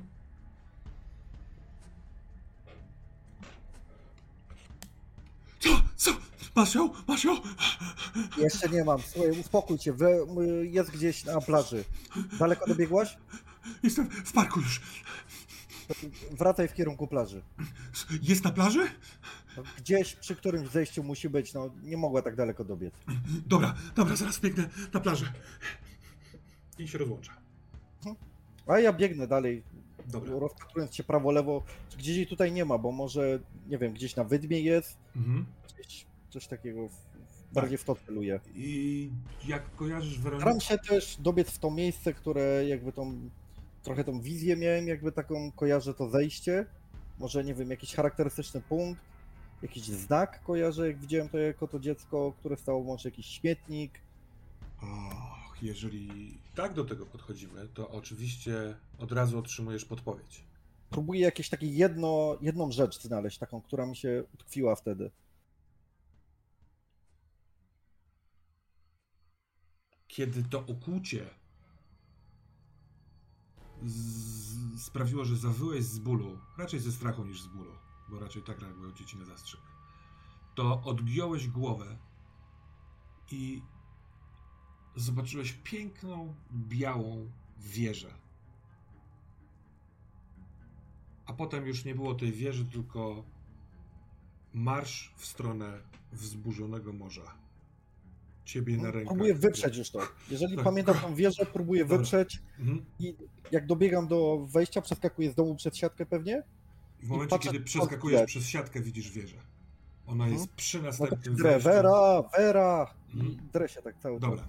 Zbigniew, y, jak biegłeś z tego chodnika na taki drugi chodnik wchodzący już do parku, to jest taki y, nie bardzo duży park, powiedzmy, wiem, może paręset metrów szerokości pomiędzy właśnie pętlą, drogą, y, samochodami a plażą. W tym parku szereg różnych, tam często spacerujesz z żoną, tam jakieś właśnie siłownie na świeżym powietrzu, place zabaw, dosyć ciekawa mm, bateria plażowa, takie fortyfikacje, w których kiedyś y, y, armaty broniły dostępu do morza, to w momencie, kiedy ona, kiedy twoja córka wbiega w ten park, to widzisz, że odbiera telefon, chwilkę rozmawia, słyszysz bardziej wzburzony krzyk, ale nie przestaje biec, tylko biegnie, w, nagle skręca w lewo i biegnie w stronę y, plaży. Kiedy biegniesz też w stronę tego wejścia nad morze razem z nią, to też widzisz, że, y, a zresztą wiesz doskonale, tuż przy wejściu numer 40 jest mała latarnia morska. Taka wieżyczka bardziej przypominająca y, jakiś taki słup energetyczny. To nie jest wieża typu obmurowana i tak dalej, tylko taka, taki, taki słupy, y, drabinka na samej górze, niewielki kwadratowy podeścik. To wszystko jest otoczone płotem, I Kasia, mijając tę wieżę, chce wbiec te właśnie w wąskie przejście na plażę. Natalia, kiedy idziesz i słyszysz dudniący o parasol nad swoją głową deszcz, to yy, i środek twoich pleców, i kamień w twoich rękach mocno grzeją, a ty jesteś przekonana, że idziesz w dobrym kierunku. Mm. Zbigniew, stoisz ramię w ramię z Kasią, która się zatrzymała, a ty widziałeś już to wcześniej, wchodzącą na ostatnie stopnie tej drabiny osobę. Ciężko patrzeć w górę, bo leje deszcz. Nic nie oświetla tego miejsca poza gwiazdami jakimś takim półksiężycem gdzieś tam. Ale jako, że ta sam, cała ta, ta wieża jest zrobiona z białych takich e, biało pomalowanych prętów, to nieco odbija tego światła. I ta dziewczyna tam weszła. Ty, Lufa, jak zobaczyłeś wieżę, to może krzycząc Weronika, nie chciałeś myśleć, że to nie jest ona, ten kształt, który w deszczu gdzieś tam się wspina, ale im jesteś bliżej tej, tego wejścia numer 40, tym jesteś przekonany, że tam właśnie jest Weronika, a pod wieżą stoją Zbigniew, Kaśka. Kaśka trzyma ręce na twarzy, patrząc w górę i próbuje zebrać oddech. Co Jak robicie? wysoko jest wieża? W Ta sensie wie, ten najwyższy punkt tej wieży. ten najwyższy punkt jest na mm, 10 metrach. Niecałych może 10 metrach. Takie trzecie piętro. Ja, to, ja biegnę na pewno w tamtym kierunku i się, że Vera nie wygłupiaj się. Dobra. Zbigniew? Mm, Ja też krzyczę do tej Weroniki. Weronika, co ty wyprawiasz, dziecko? Kaśka mówi cały czas pod nosem. Co ja, co ja zrobiłem? Co ja zrobiłam? Co ja zrobiłam? Ale co zrobiłaś, Kaśka? O czym ty mówisz? Przecież co, namówiłaś ją do tego? Nie, nie, nie, to nie tak, to nie tak. Tak. No właśnie, no przecież nie tak cię wychowywaliśmy z matką na pewno. I co się stało? Opowiadaj, bo to nam może pomóc w uratowaniu Weroniki. Nie, mogę ci powiedzieć, tato, ona mi kazała, prosiła mnie, żebym nie mówiła, ale ja nie mogę. Ale tu chodzi o jej życie teraz. Ona mnie kocha. Może jeżeli tu powiesz, to może uda się ją uratować właśnie. Ona mnie kocha, tato. Powiedziała mi to dzisiaj. I przytula się do ciebie. Trzask No ja piorunu, przytulam. który, kiedy Natalia i Juliusz biegniecie tą, y, powiedzmy, promenadą, rozświetla niebo na tyle, że ty, Natalia, czując gorąc tego kamienia, a ty, Juliuszu, ciężar butelki w ręku, podnosicie głowę na ten rozświetlone nad drzewami niebo i widzicie szczyt tej latarni wystający ponad drzewa i na tej wieży dwie osoby. Kiedy piorun gaśnie, to widzicie ten cały czas ten zarys wieży, tych osób w tej pogodzie i bez tego oświetlenia piorunowego nie widać. Ale masz wrażenie, Natalia, że to jest miejsce, do którego prowadzi cię twój kamień. Juliusz, jeśli ty chcesz się spotkać z policją, to na ten taki y, chodnik łączący waszą promenadę z, tamt, z tym parkiem musisz odbić stamtąd w prawo i tam dojść do pętli. To ja mam pytanie, czy też widziałem te dwie osoby, czy tylko widziała je... E, tak, ale całkiem możliwe, że ty w ogóle widzisz rzeczy podwójnie. Nie wiem, czy wieży, Dobrze. wieży nie było dwie. Dobrze, dobrze. Ale tak, tam były dwie osoby. Teraz sobie tak myślę, że tak jest, y, znaczy w ogóle ten humor mi się zmienia. Z takiego euforycznego humoru, gdzie wypadłem z tego, z tym parasolem, gdzieś ten, to zaczyna ten deszcz całkowicie, nie wiem, mnie wymrażać, gdyby ten humor zaczyna mi się psuć od razu. Jestem taki już podkurzony i, e, i tak staję na tym rozstaju, patrzę, że idzie w tamtą stronę. E, na, Natalka i tak sobie myślę, że, że do tej policji, nie do tej policji, za tą Natalką ciemno jest, ktoś ją jeszcze napadnie, tutaj jakieś dziwne rzeczy się biorą i idę za nią. Jakoś tak olewam tą policję. Tak sobie stwierdzam, że I Zostajesz?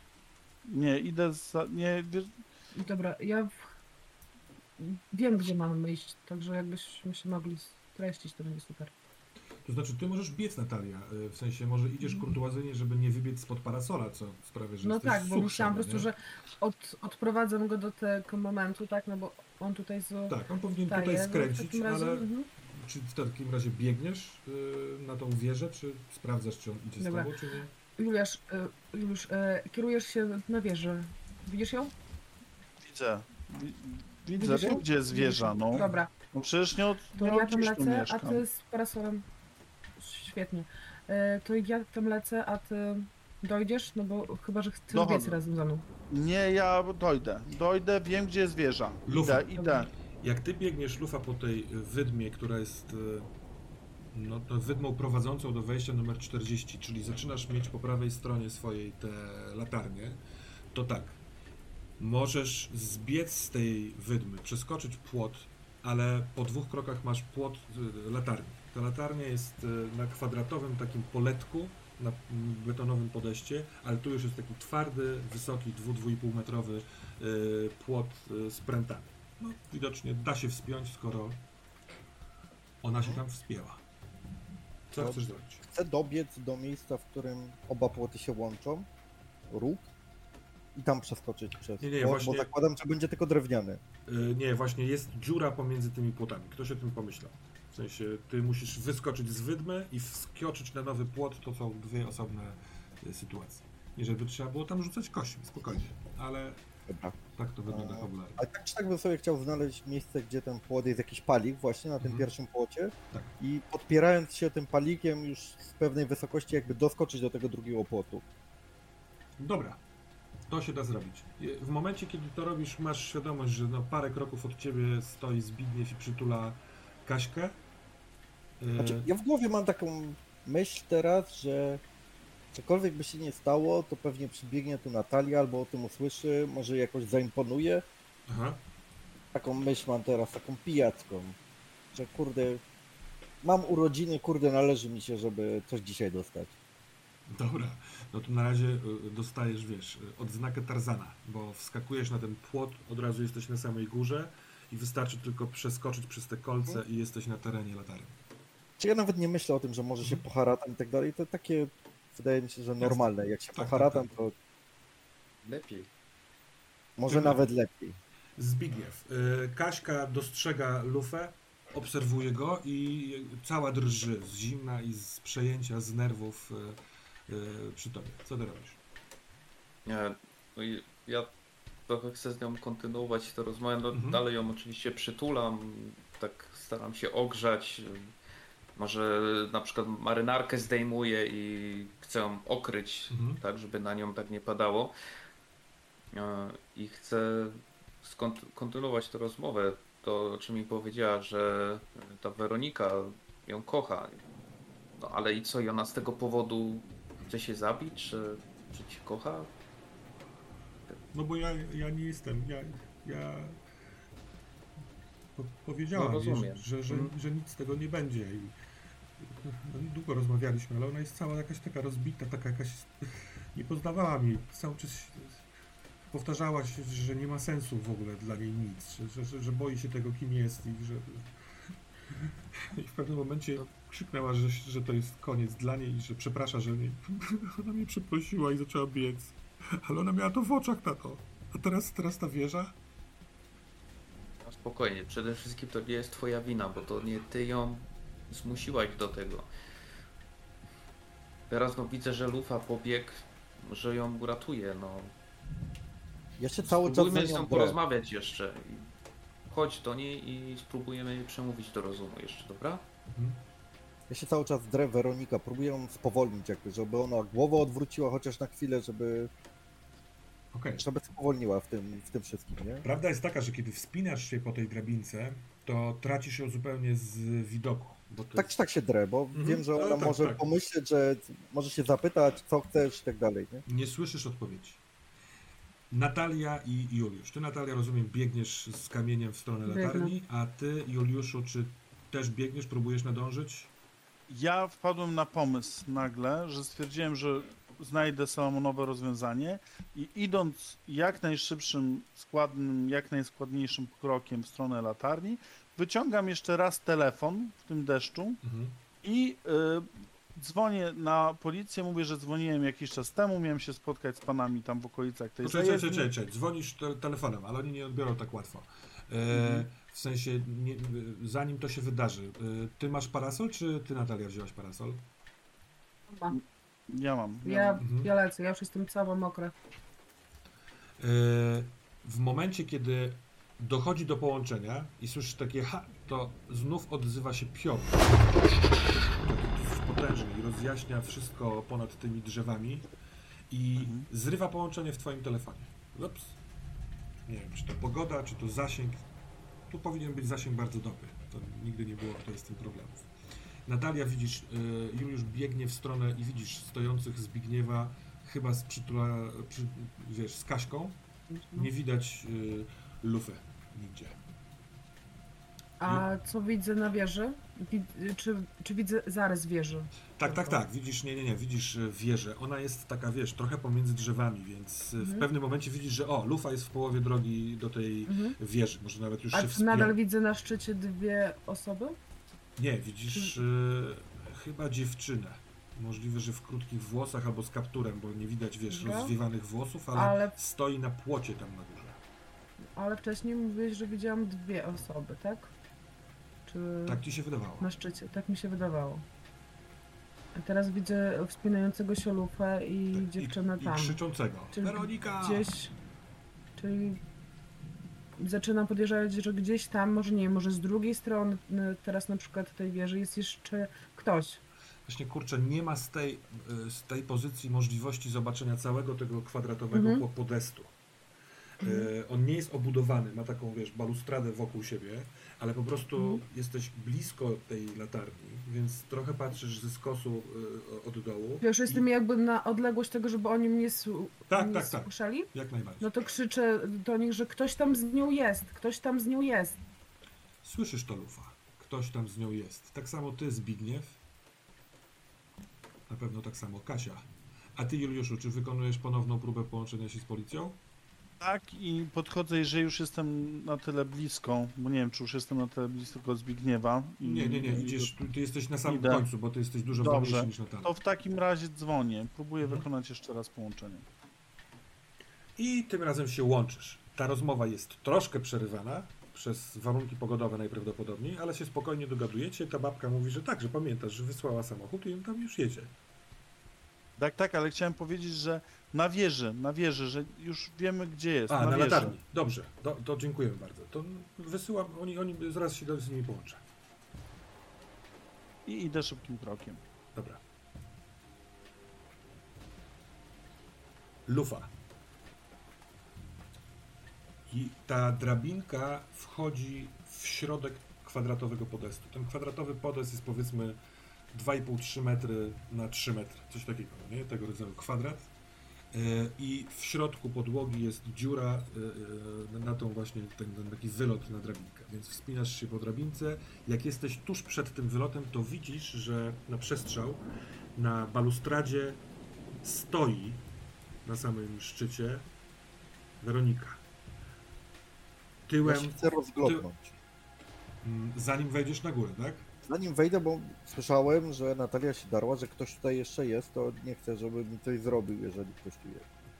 Tak szybko od dołu chcę on mi od... Nikogo nie ma. To wychodzę. Mhm. Ona stoi, czy ta balustrada jest mokra, czy ona Ta, może się balus- ta poślizgnąć? balustrada jest mocna, ale cienka. Ma, wiesz, na górze ma takie zaokrąglenie, a nie, wiesz, płaską poręcz. Mhm. I ona stoi balansując. Jakie ma buty? Mm, jakieś takie glanow, glanowate. No niech to będą martensy. To najłatwiej sobie wyobrazić. A w co jest ubrana? E, czarna spódnica, taka e, sukienkowata, do, trochę gotowa do kostek. E, jakiś sweter chyba, bo wystaje spod tej spódnicy i na to skórzana kurtka. Ma krótkie, czarne włosy, tak jak to ona. E, I jak chyba usłyszała coś za swoimi plecami, skoczę. I tak skoczę. Kto to jest? To ty, Lufa? Ja. Co ty tu kurwa robisz? A co ty tu robisz? Kończę z tym gównem. A ja urodziny świętuję. Wszystkiego najlepszego. Ja się w tym momencie rzucam i chcę ją pociągnąć za kurtkę do tyłu. Bo zakładam, że już udało mi się wyjść, Mhm.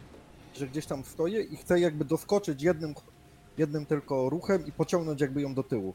Żeby ją zrzucić. W Dobra. sensie do tyłu. Ja wiem, że ty masz osiemnastkę dopiero i trochę wypiłeś alkoholu, ale jeśli ci się nie uda, to ona spadnie i tak jak wskakiwałeś, przeskakiwałeś przez ten płot, to najprawdopodobniej nabije się na ten płot. Nie myślę o tym teraz. To rzuć za kostkami. późno. Na co? Na działanie pod presją. Mhm. Aha, okej. Dodajesz opanowanie. O, Dobra, to jest 14 minus 2, czyli 12.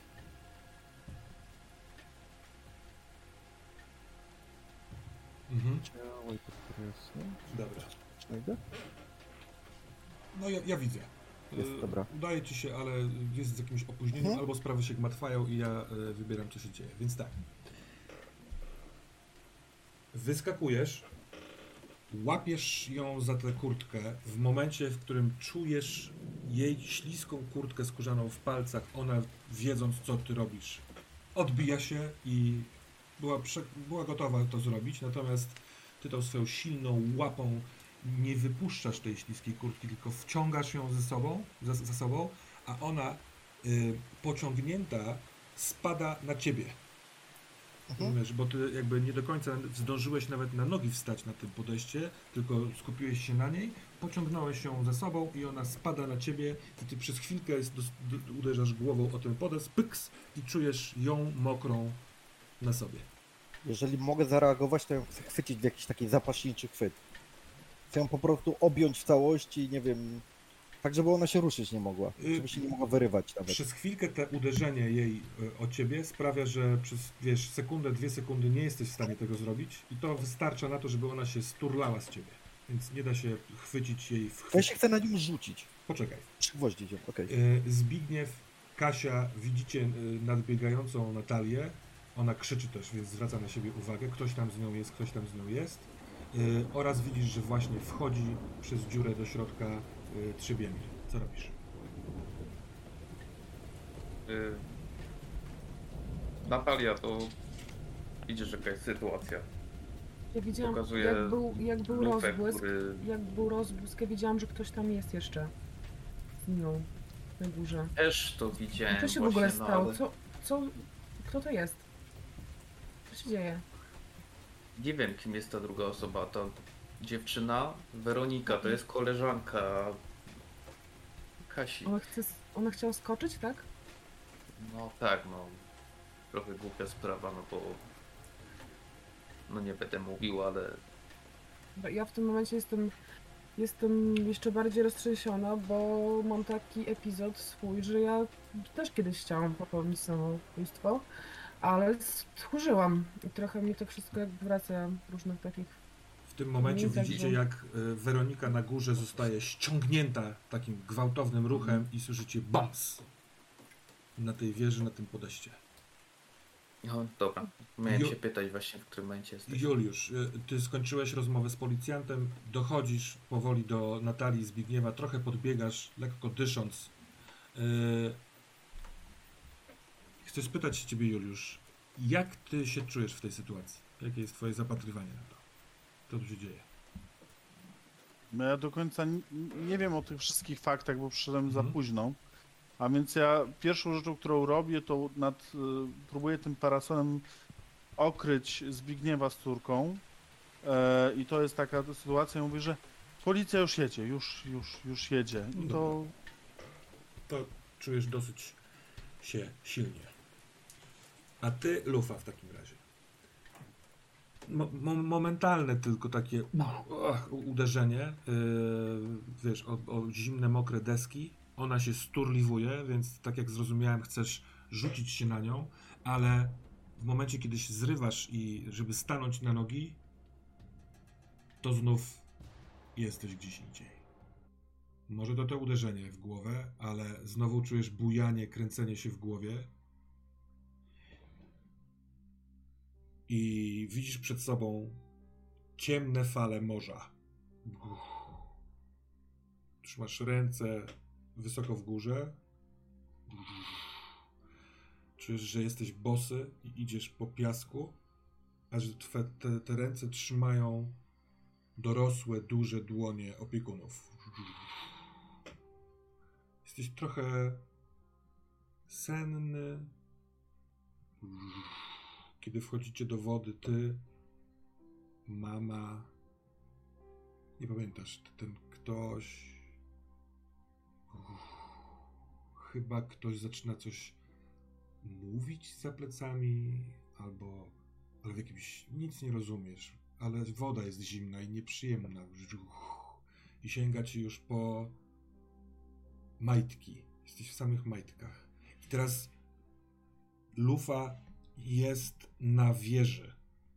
W kącie tego podestu jest Weronika, która jest taka wbita w kąt, a ty patrzysz, jakby masz ją y, przy swojej le- lewej ręce. Masz właściwie ją w zasięgu ręki, ale widzisz siebie małego i te parę osób, które z tobą wtedy było, jak na plaży w tym miejscu wchodzili do wody o tej porze roku. To, to znika. To jest momentalne takie wspomnienie, ale proszę cię o jeszcze jeden rzut na weź się w garść. Mhm. Czy mam jakieś minusy? Jeszcze nie. Mm, 9 Mhm. plus 0. to w takim wypadku hmm, proszę cię o rzut na spójrz przez iluzję. Przejrzyj iluzję, to się dodaje dużo. Mhm. To jest 18.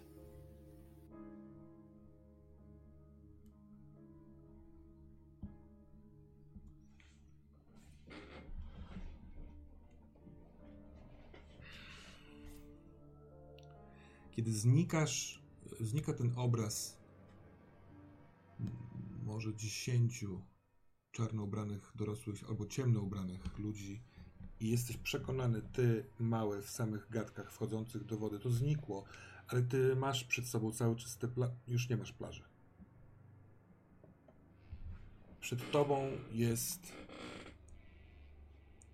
mm, ściana budynku. Brązowo-czarny, chropowaty kamień, taka duża cegła. Robisz krok w tył, bo ta ściana jest no, na wyciągnięcie ręki, a nie było jej. I jest przepotężna, wypełnia całkowicie cię. Widzisz cały czas kątem oka y, Weronikę, która patrzy na ciebie, a w tej ścianie co kilka kroków w górę, w dół, w boki są niewielkie, takie w sensie wąskie, ale podłużne, y, dosyć wysokie okna bez szyb. I z prawej strony jest takie okno. Weronika jest z lewej, a z prawej strony jest okno. I w, w tym oknie z wnętrza wychyla się yy, właściwie tylko blada twarz. Chyba łysa, bo masz, ma takie wysokie czoło.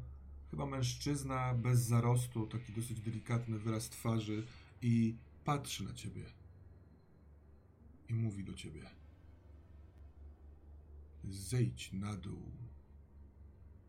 Nie jesteś tu potrzebny. Kurwa! Tracisz dwa stabilności w związku z tym, co widzisz, Mhm. a Weronika mówi do ciebie: Zostaw mnie. Zostaw mnie, jak mnie stąd ściągniesz, to nic to nie da i tak tu wrócę. Jutro, Ja pojutrze, patrzę- kiedykolwiek. Patrzę się na nią, patrzę się na niego i Zejdź stąd, Trzebiemir. Nic tu po tobie. I tak ją wezmę.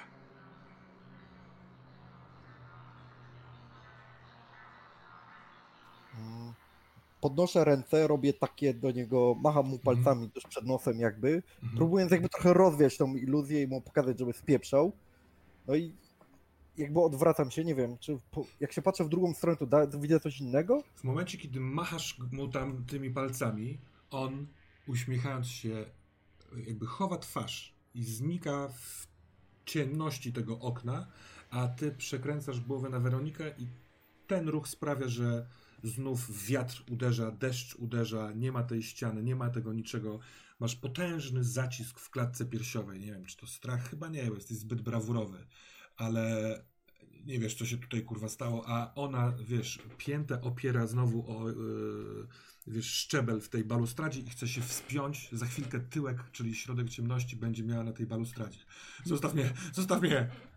No te, teraz chcę po prostu się na nią rzucić, tak żeby ją objąć rękami i przerzucić się na moje plecy, wiedząc, że kontrolowanie upadnę razem z nią na plecy.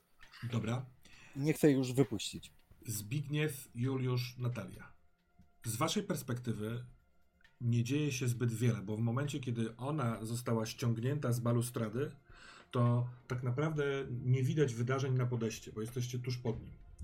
I słychać e, w tym deszczu głosy i Weroniki, i Lufy, ale nie, nie można zrozumieć słów. Czy robicie coś, czy czekacie po prostu na rozwój wypadków? Y, Ja krzyczę do tej Weroniki. Weronika, poczekaj. Może jesteśmy w stanie ci pomóc. Ja wiem, jak ci mogę pomóc, żeby było ci łatwiej. Nie rób nic głupiego. Mhm. Daj porozmawiać. Daj nam porozmawiać z tobą. Kaśka się dołącza do ciebie. Weronika, nie rób tego! Zejdź z lufą! Ja dochodzę do wniosku, że gdyby Lufa dał radę ją sprowadzić, to by już ją pewnie sprowadził, skoro. Bo nie widzimy jej, tak? Wcześniej ją widzieliśmy na tej balustradzie, teraz, jej, już- teraz jej już jej nie widzimy. To dochodzę do wniosku, że skoro Lufa nie da rady jej sam sprowadzić, no to muszę pomóc tej dziewczynie. I chcę się też tam spiąć. Dobra, czyli musisz przejść przez płot. To, y, to jest dosyć wysoki płot, ale damy radę. Juliuszu. Ja tak sobie myślę, że odpuszczam. To znaczy gdzieś, gdzieś mnie ten dygot bierze. Myślę sobie, że co ja będę wchodził, przecież ja się spierdzielę stamtąd jeszcze w tym stanie, w którym jestem.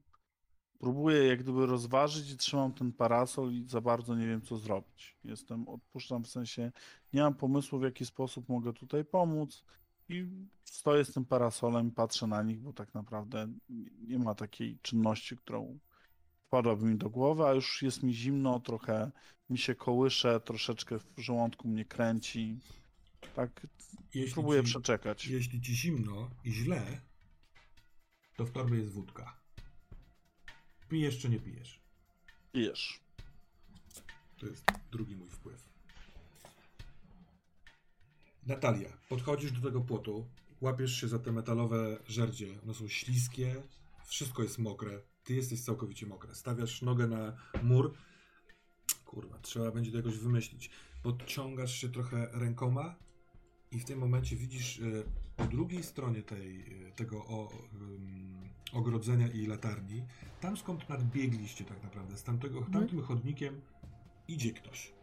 Idzie jakiś, jakiś facet taki dosyć duży, dobrze zbudowany, chyba w jakimś płaszczu z podniesionym e, kołnierzem i z nożem w ręku. I z nożem w ręku. Tak.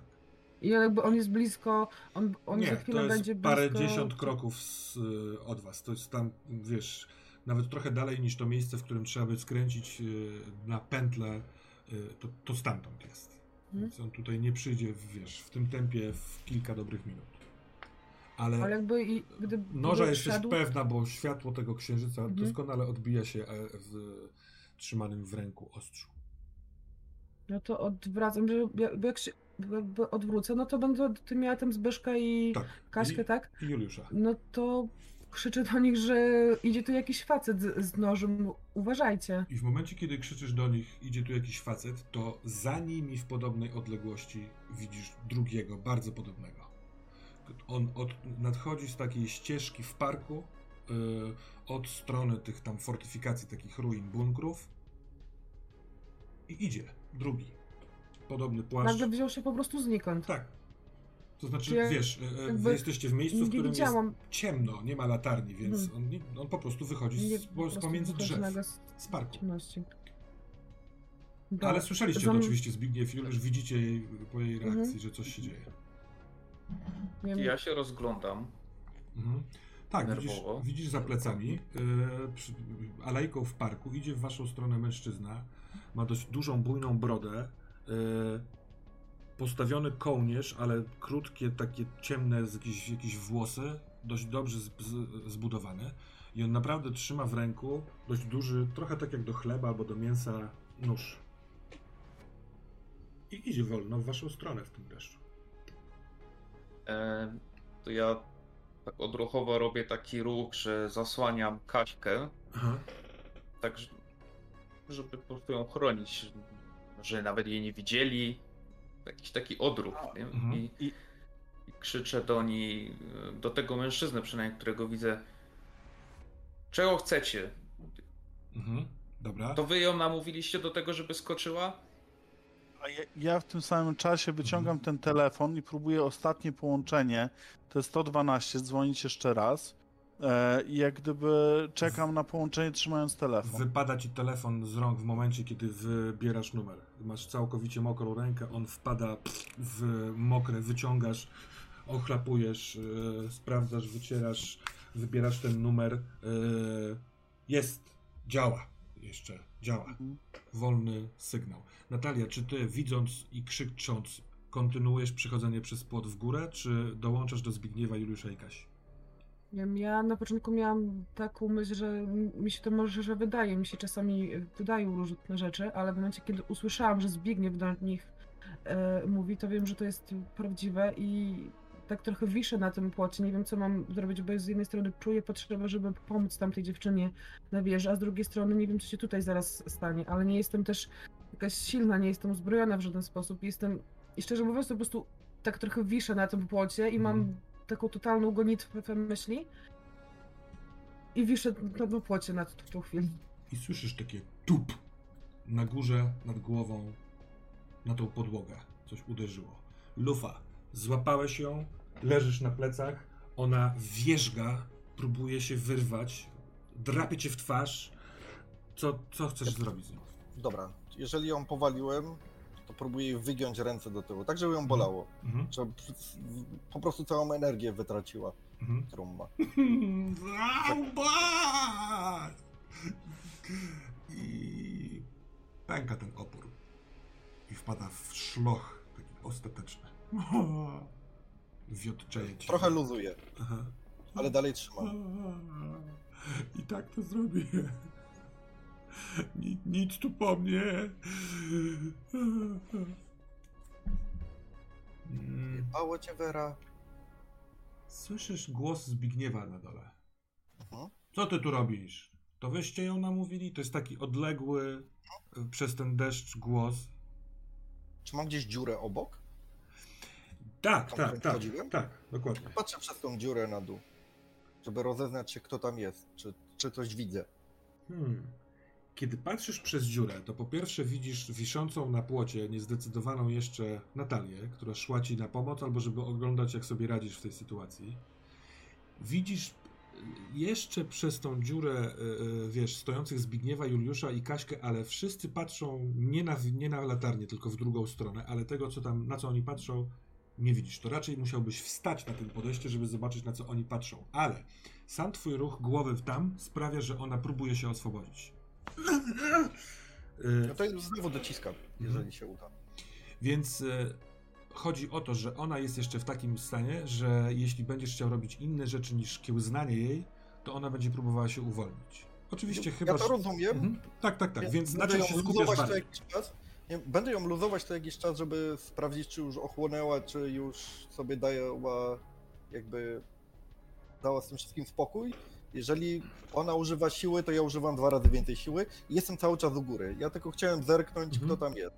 To w momencie, kiedy on, jak ona się próbowała uwolnić, docisnąłeś ją, złapałeś ją mocno, tak że masz niemal twarz e, swoją na wysokości jej twarzy. Oczywiście czujnie, żeby ona ewentualnie ci zbyka nie dała.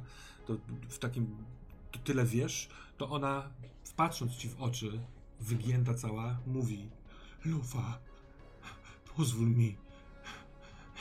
Ty też to widzisz. To jest bez sensu. I nagle mówi do ciebie, ale głosem tego kogoś, kto wystawał z okna. I tak ją wezmę. Już się umówiliśmy. Rozumiesz, Lufa?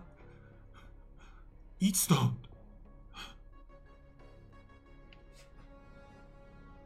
Patrzę się zaciekawiony na nią, trochę Mhm. przestraszony. Nie da, jakby siłę dalej używam, tą, którą Mhm. używałem i tak dalej, ale nie wiem o co jej chodzi tak naprawdę. W sensie zakładam, że coś mi się przywidziało przed chwilą. Czasem mi się przywiduje, okej. Ona w ogóle dostrzega to, to, że się zaciekawiłeś i to ją zbija z pandełyka na zasadzie i widzisz, że nawet trochę osłabł opór, taki jest, taka jest z, zrezygnowana przez chwilkę i dyszy, wiesz, czujesz oddech jej, trochę alkoholu w tym jest, ale akurat twój też. Yy, jesteście bardzo blisko siebie i ona powoli wiotczeje. A na dole Zbigniew nie ma jakiejkolwiek reakcji na twój krzyk. Ten mężczyzna po prostu dosyć nieśpiesznie idzie krok za krokiem. Juliusz połączenie i do, do, daje się dogadywać. Halo? Ja mówię, y, ja dzwoniłem na wieży, y, tutaj y, ktoś z nożem, tutaj ten, trzeba szybko, szybko pomocy na wie- przy wieży. Tak, tak, już tam samochód jest. Już, Nie, nie ma, nie ma, No to widocznie są w drodze. No dostałem meldunek przed a, a, widzę na ale komputerze. nóż, nóż, szybko, szybko. Proszę uciekać. Proszę uciekać. Policja już tam jest na miejscu. Zaraz, zaraz będzie. Proszę, jeżeli widzi pan uzbrojonego napastnika, proszę stamtąd uciekać. Mhm. Rozłączam się.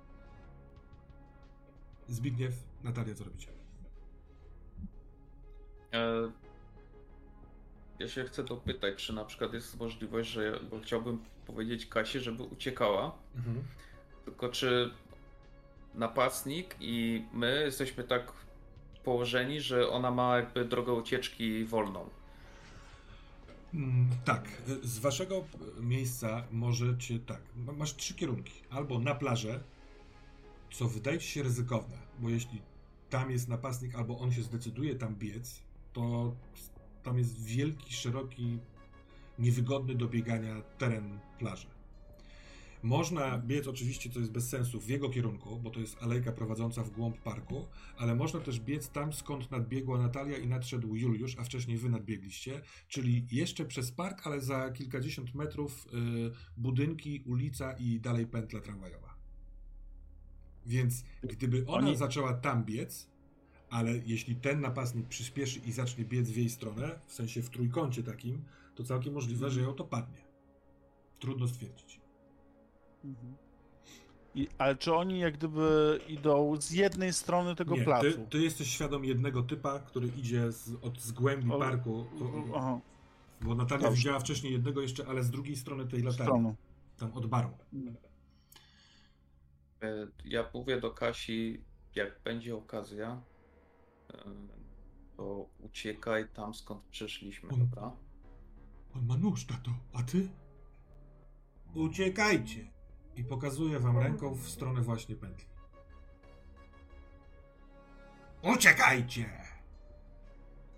Kim jest? Kiedy pytasz, e, kim jesteś, to on na to nie reaguje, tylko nie przestaje pokazywać wam ręką w tamtą stronę. Na chwilkę przenieśmy się do lufy na górę. Ja po wymianie zdań z Natalią, Kto tam jest na dole? Kaśka i Natalia. E? Jeżeli chcesz, to skoczę z tobą. Na razie złaś. Kurwa, nie mam czasu, muszę im pomóc.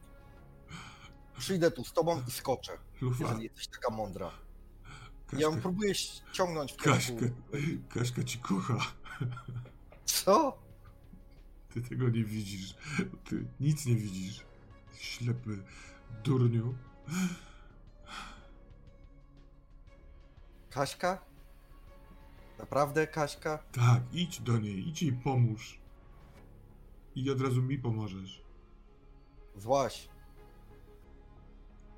Złaś, bo nie chcę ci zrobić krzywdy. Dobra, to proszę cię, żebyś wpłynął na innych. Rzuć i dodaj charyzmę.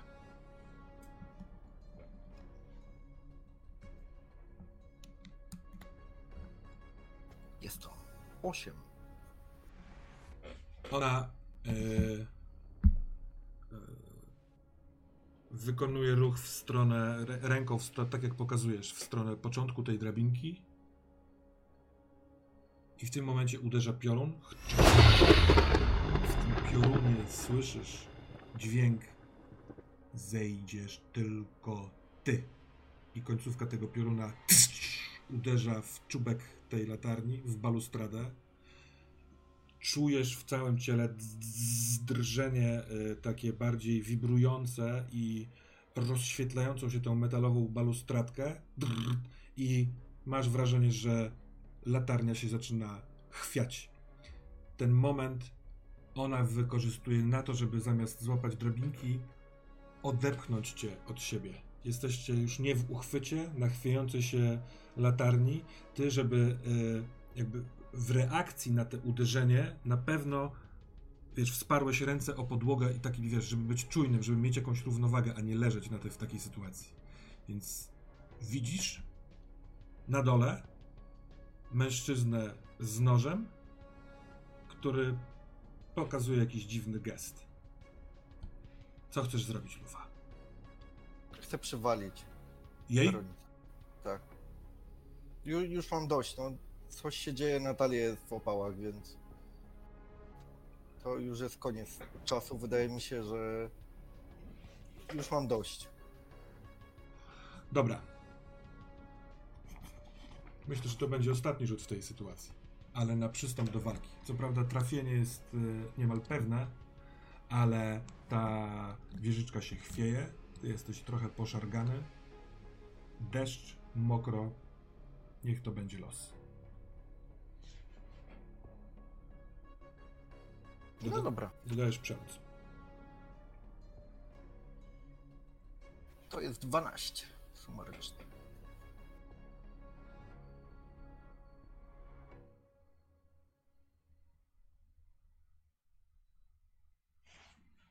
Dobra.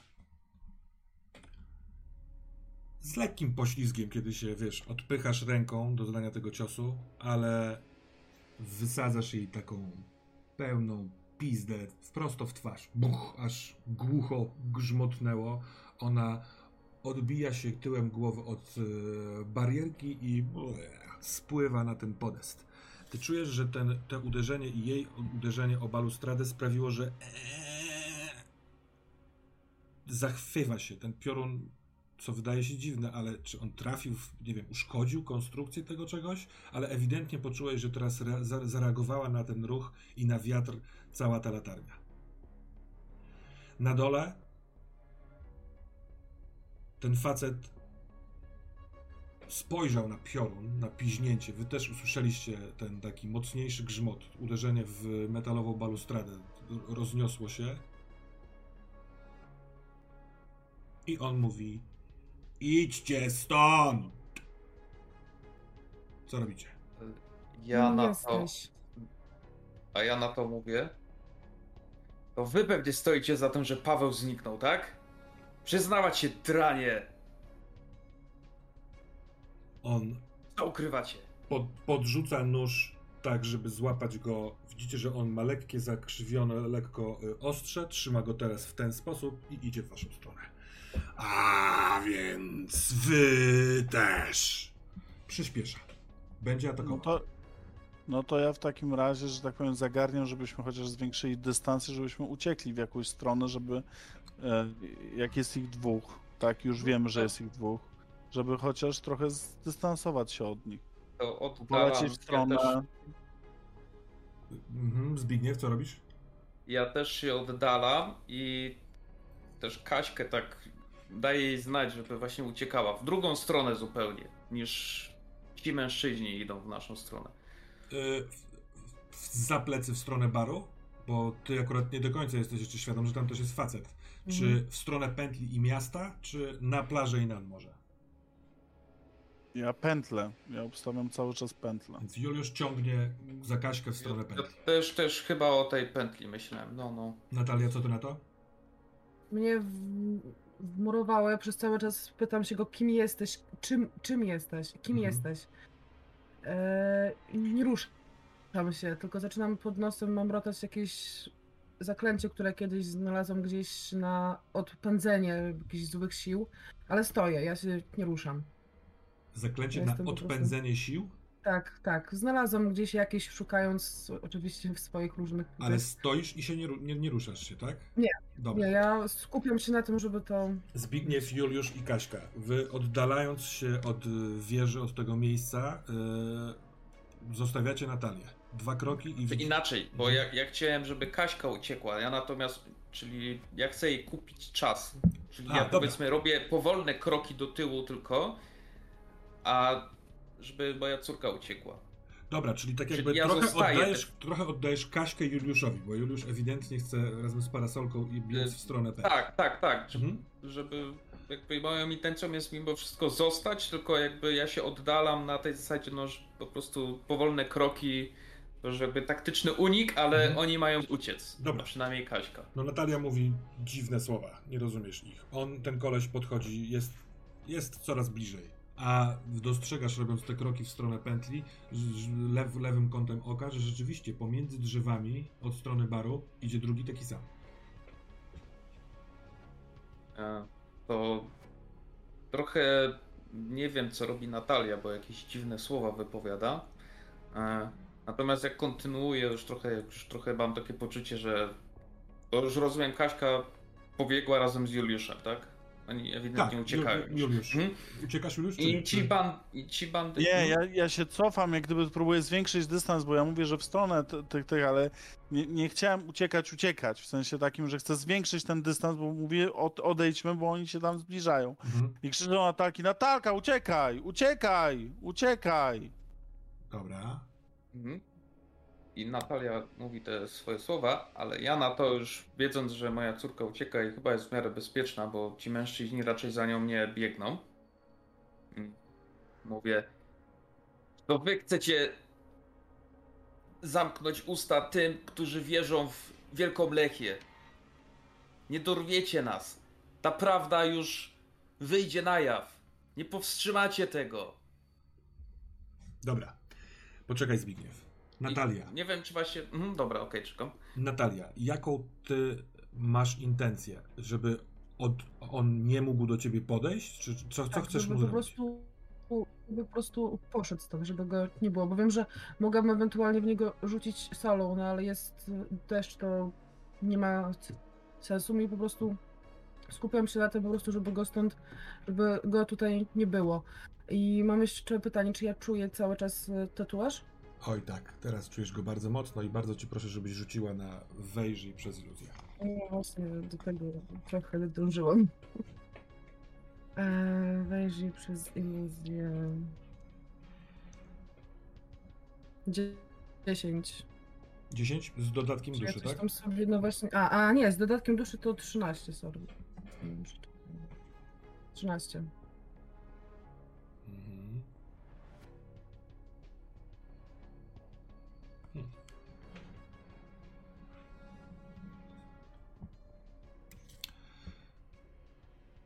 Przed tobą z, wyciąg, po- z, z, wiesz, z podniesionym nożem prosto na ciebie idzie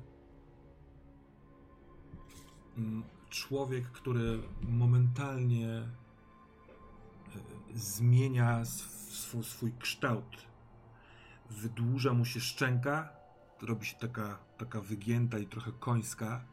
Yy, wystają mu zęby z górnej szczęki, ponad usta. Te usta są takie, nie potrafią pomieścić te, te, tej, tej szczęki. Słychać w tym dyszenie i momentalnie czujesz też tak jakby oddech tego kogoś. To jest śmierdzące zwierzę. Tym bardziej, że dyszy i prycha jak wściekłe zwierzę. Te kości czoła też jakby spuchły, urosły, przez co oczy przestają niemal być widoczne, ramiona mu się podnoszą. On jest ubrany w kurtkę, on jest ubrany w sweter, ale wydaje ci się, że to coś mogłoby za chwilkę stanąć na czworaka i biec do was. I w momencie, kiedy dostrzegasz tę zmianę, to końcówka tego chóru, który wcześniej usłyszałaś w piorunie i głos, który momentalnie rozpala środek tego twojego tatuaża wrzeniem. Znasz go bardzo dobrze, tylko nigdy wcześniej go, w sensie tak długo go nie słyszałaś. Głos kobiety, która mówi: Czy znowu prosisz mnie o pomoc? Czy znowu prosisz mnie o pomoc, Natalio? Ten głos jest w ogóle od strony morza. Możesz spojrzeć w tamtą stronę, jeśli chcesz, ale wtedy nie będziesz widziała zbliżającego się napastnika. Nie jestem. Patruję się w niego jak zahipnotyzowana. I pytam się, czy to po mnie przyszedłeś? Jego pytasz, Czy to tak? po mnie przyszedłeś? Tak. Hmm. Natalia, on nie będzie z tobą rozmawiał. On cię zaszlachtuje. A kiedy umrzesz, to nasz pakt się skończy. Wiesz, co to znaczy? Więc spytam cię jeszcze raz. Czy chcesz, żebym ci pomogła? Czy uciekniesz stąd jak tchórz? Już mi kiedyś pomogłaś. U- uciekam. uciekasz. Zbigniew, e, w trakcie tego, co tutaj teraz zrobiliśmy, słyszałeś Natalię, która przestała mówić bełkotliwym językiem i mówiła te rzeczy, które mówiła, tylko nie słyszałeś odpowiedzi. Ten facet jest naprawdę blisko. E, dostrzegasz, że Juliusz raczej skupiony jest na krzyku w stronę Natalii i patrzeniu na was i Kaśka go minęła i biegnie w stronę pętli, ale tak naprawdę przez chwilkę jest w lesie. Czy chcesz skontrolować, gdzie ona biegnie, dokąd ona się uda, czy czekać tutaj na Natalię, dawać jej czas? E, Znaczy, no, to ja będę tam powiedzmy kontynuował ten swój Mhm. monolog cały czas. E, Kątem oka się upewniam mimo wszystko, e, czy Kaśce nic nie zagraża. Bo tak jak mówisz, ona gdzieś tam wbiega w ten las, tak? I czy ktoś jeszcze tam trzeci może nie będzie, ale w jakiś sposób tam powiedzmy Kaś, zwracać na siebie uwagę, tak? Kaśka znika wśród drzew. To jest kilka drzew, które są pomiędzy tą latarnią, resztką parku, a pętlą. Ale przez chwilkę jej nie widzisz. Właśnie w tym ty- momencie. mhm. Ale nikogo A ty- innego też tam nie widzisz. Okej, czy to nie jest na zasadzie, że jakby nagle znika, że ktoś ją Mhm. Nie, nie. gdzieś tam porywa, tylko po prostu kwestia widoczności. Mhm. Mhm, I- okej. Ja zakładam, że to się działo mniej więcej w jednym momencie. Juliusz krzyczałeś do Natalii, żeby uciekała. Natalia miała ten moment swój, który kosztuje cię cała ta sytuacja, e, jeden punkt stabilności w dół. E, I Zbigniew cały czas kontynuowałeś swój monolog. Natomiast Lufa, ty ją palnąłeś, jesteś na tej lekko chybotliwej e, latarni. Co chcesz zrobić? Jakiej postury jest Weronika? Ty mówiłeś o swoim wzroście takim, no to ona jest z 10-15 cm niższa i chuda. Więc Czy w Na- mojej ocenie jestem w stanie ją przerzucić przez ramię i próbować jedną ręką i dwoma nogami złazić po tej drabince? Odpowiem dwa, na dwa sposoby. Pierwsza odpowiedź jest skierowana do pijanego osiemnastolatka, który właśnie robi e, bohaterszczyznę. Tak, masz siłę i umiejętności do tego.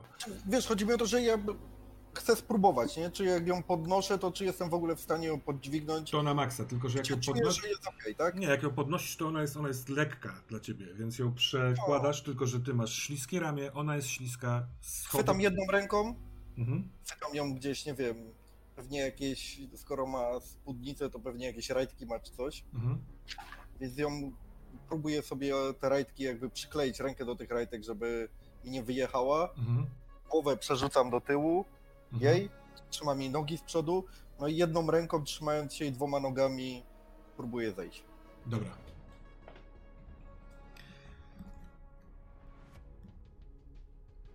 Juliusz. Widzisz Natalię, która w końcu wysłuchała i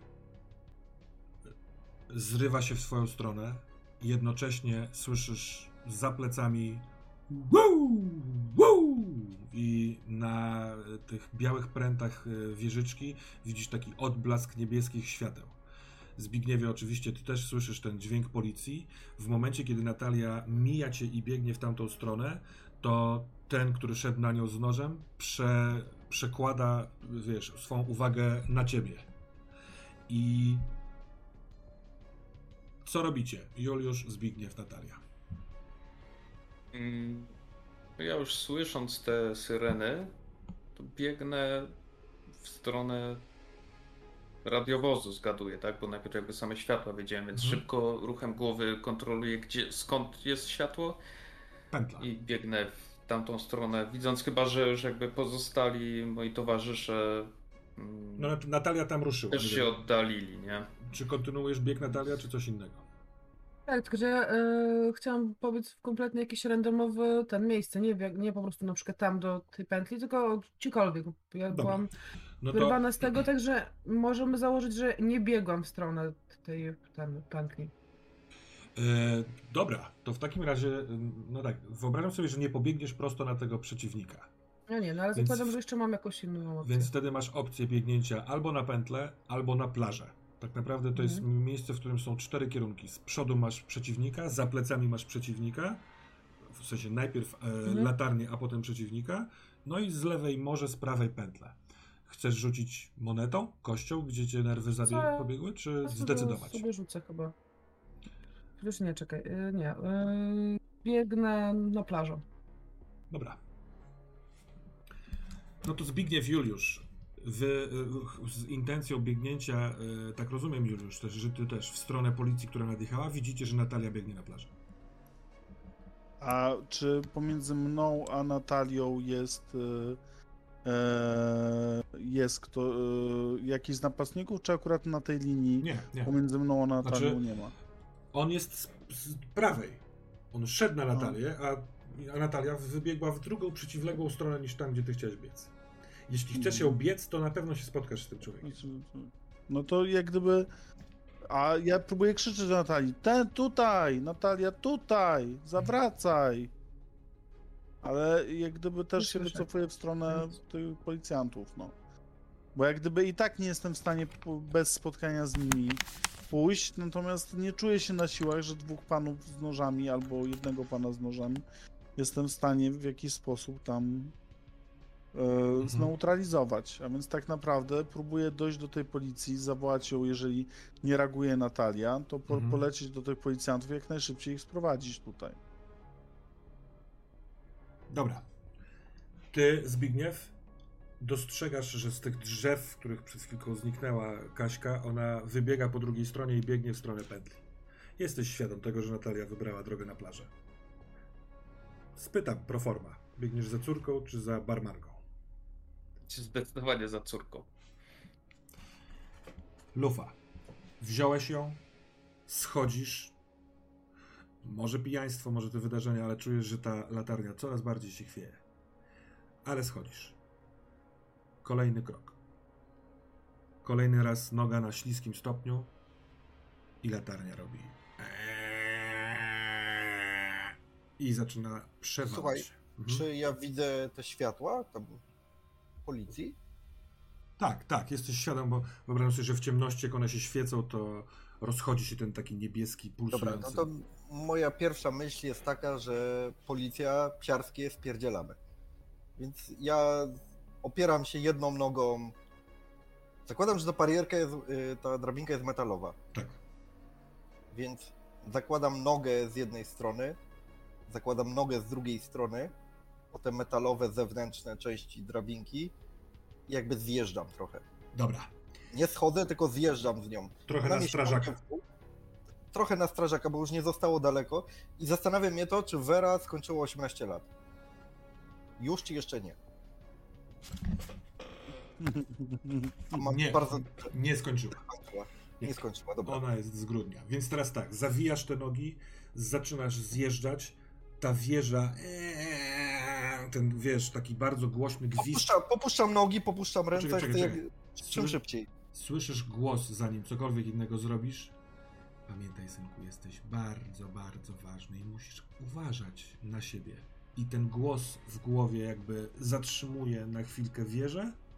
Ty dojeżdżasz do wysokości, z której jesteś pewien, że możesz zeskoczyć, nawet poza ten płot ogradzający latarnię. Mhm. To tak, tak, ja tylko z Werą muszę to zrobić. Tak, tak, tak. Kom- i nie mogę zostawić. Zeskakujesz razem z Weroniką. Widzisz Zbigniewa, Juliusza wbiegających już w światła pomiędzy budynkami. E, Weronika, kiedy zeskoczyłeś, robi taki jakby na tym twoim ramieniu. Co robisz? Biegniesz w stronę policji? Ale Czy oni gdzieś- pobiegli w stronę policji, tak? Tak, Słyszałem z dołu coś o Lechi. Tak. Widziałem typa z nożą, zakładam, że to byli kibice Arki. I widzisz go. Rozpierzchli się pewnie. Nie, widzisz go. On stoi tam, gdzie wcześniej stali Zbigniew, Juliusz i Kaśka. E, patrzy trochę w twoją stronę, trochę w stronę policji i na jego twarzy, takiej powiedzmy prymitywnej, silnej twarzy, e, odbija się niebieskie światło policji. Ja spierdzielam, nie mogę zostawić Wery, żeby ją zgarnęli. Ja sobie z nią porozmawiam później, no więc w stronę plaży. Jak najdalej od policji. Dobra, Tamtych zostawiam, jeżeli będą za mną lecieć, to zrzucę Weronikę z siebie i przystąpię do walki z nim. Nie, w momencie, kiedy biegniesz w stronę plaży, tak naprawdę będziesz mijał tego typa, ale on odprowadza cię wzrokiem. Widzisz, Mhm. poznajesz po jego mowie ciała, że nic już z tym nie zrobi. No to ja spieprzam z nią po prostu. Natalia. Bardzo niewygodnie się biegnie w mokrej odzieży, w butach po plaży. Słyszysz tylko oddech swój i oddech fal. które są blisko. Szumią. I oddech jeszcze kogoś, kto jest blisko cały czas ciebie i mówi: Sama mnie wezwałaś. Mogłyśmy dobić targu. Czy ty źle wyszłaś na targu? Twoja mama chodzi zdrowa, jak ryba. Zatrzymuje się i krzyczy, zamknij mordę. Ach. Dopóki byłam potrzebna, byłaś taka kulturalna. Nie wiem dlaczego teraz. Nie zastanawiałaś się nigdy, co dostałaś w zamian?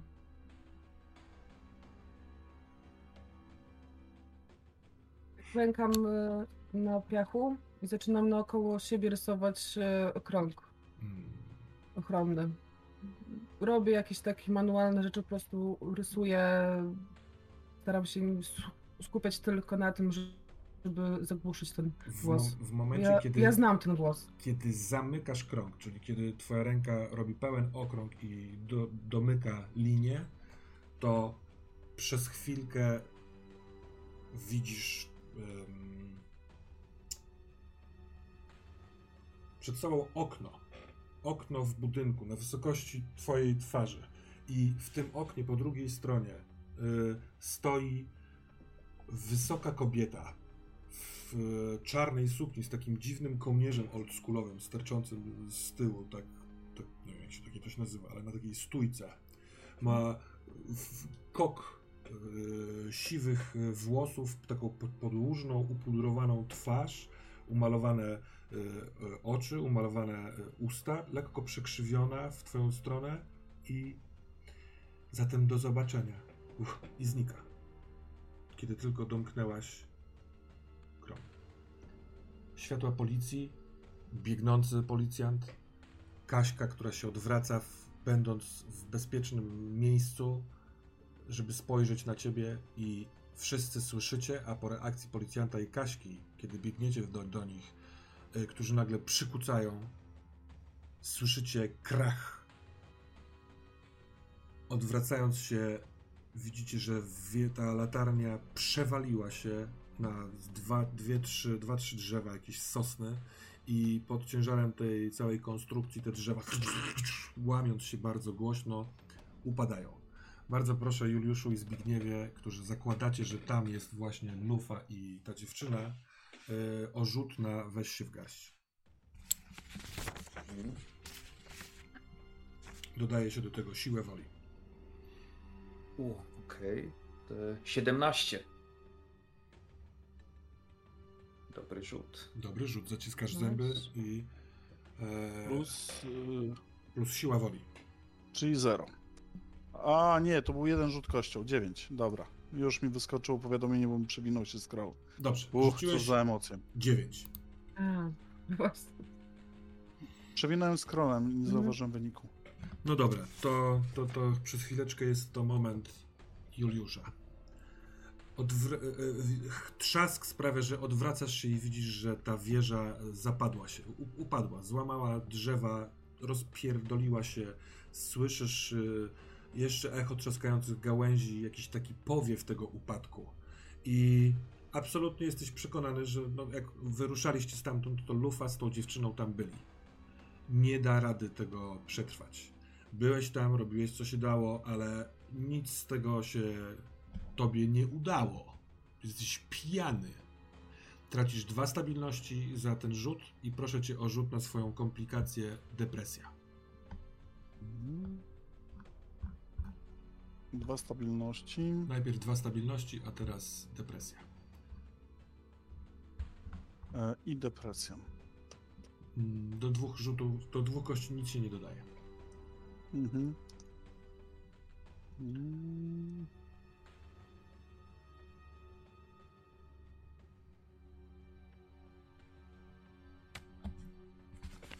Już muszę przypisać, myślałem. Mm.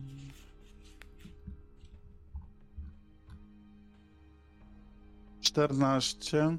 Czternaście. Odczuwasz chwilowy niepokój, spada twoja pewność siebie lub brakuje ci siły woli, otrzymujesz karę minus jeden do następnego rzutu. E, Dobra.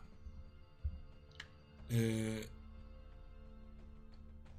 Jako, że biegłeś w jedną stronę, trzask był za tobą, odwróciłeś się, y, zareagowałeś na te upadające, na ten kataklizm, potykasz się, upadasz tyłkiem, butelka, która jest w twojej torbie, tłucze się, brzdęk, pewnie się rozlewa wszystko po tej torbie, jesteś bezpieczny.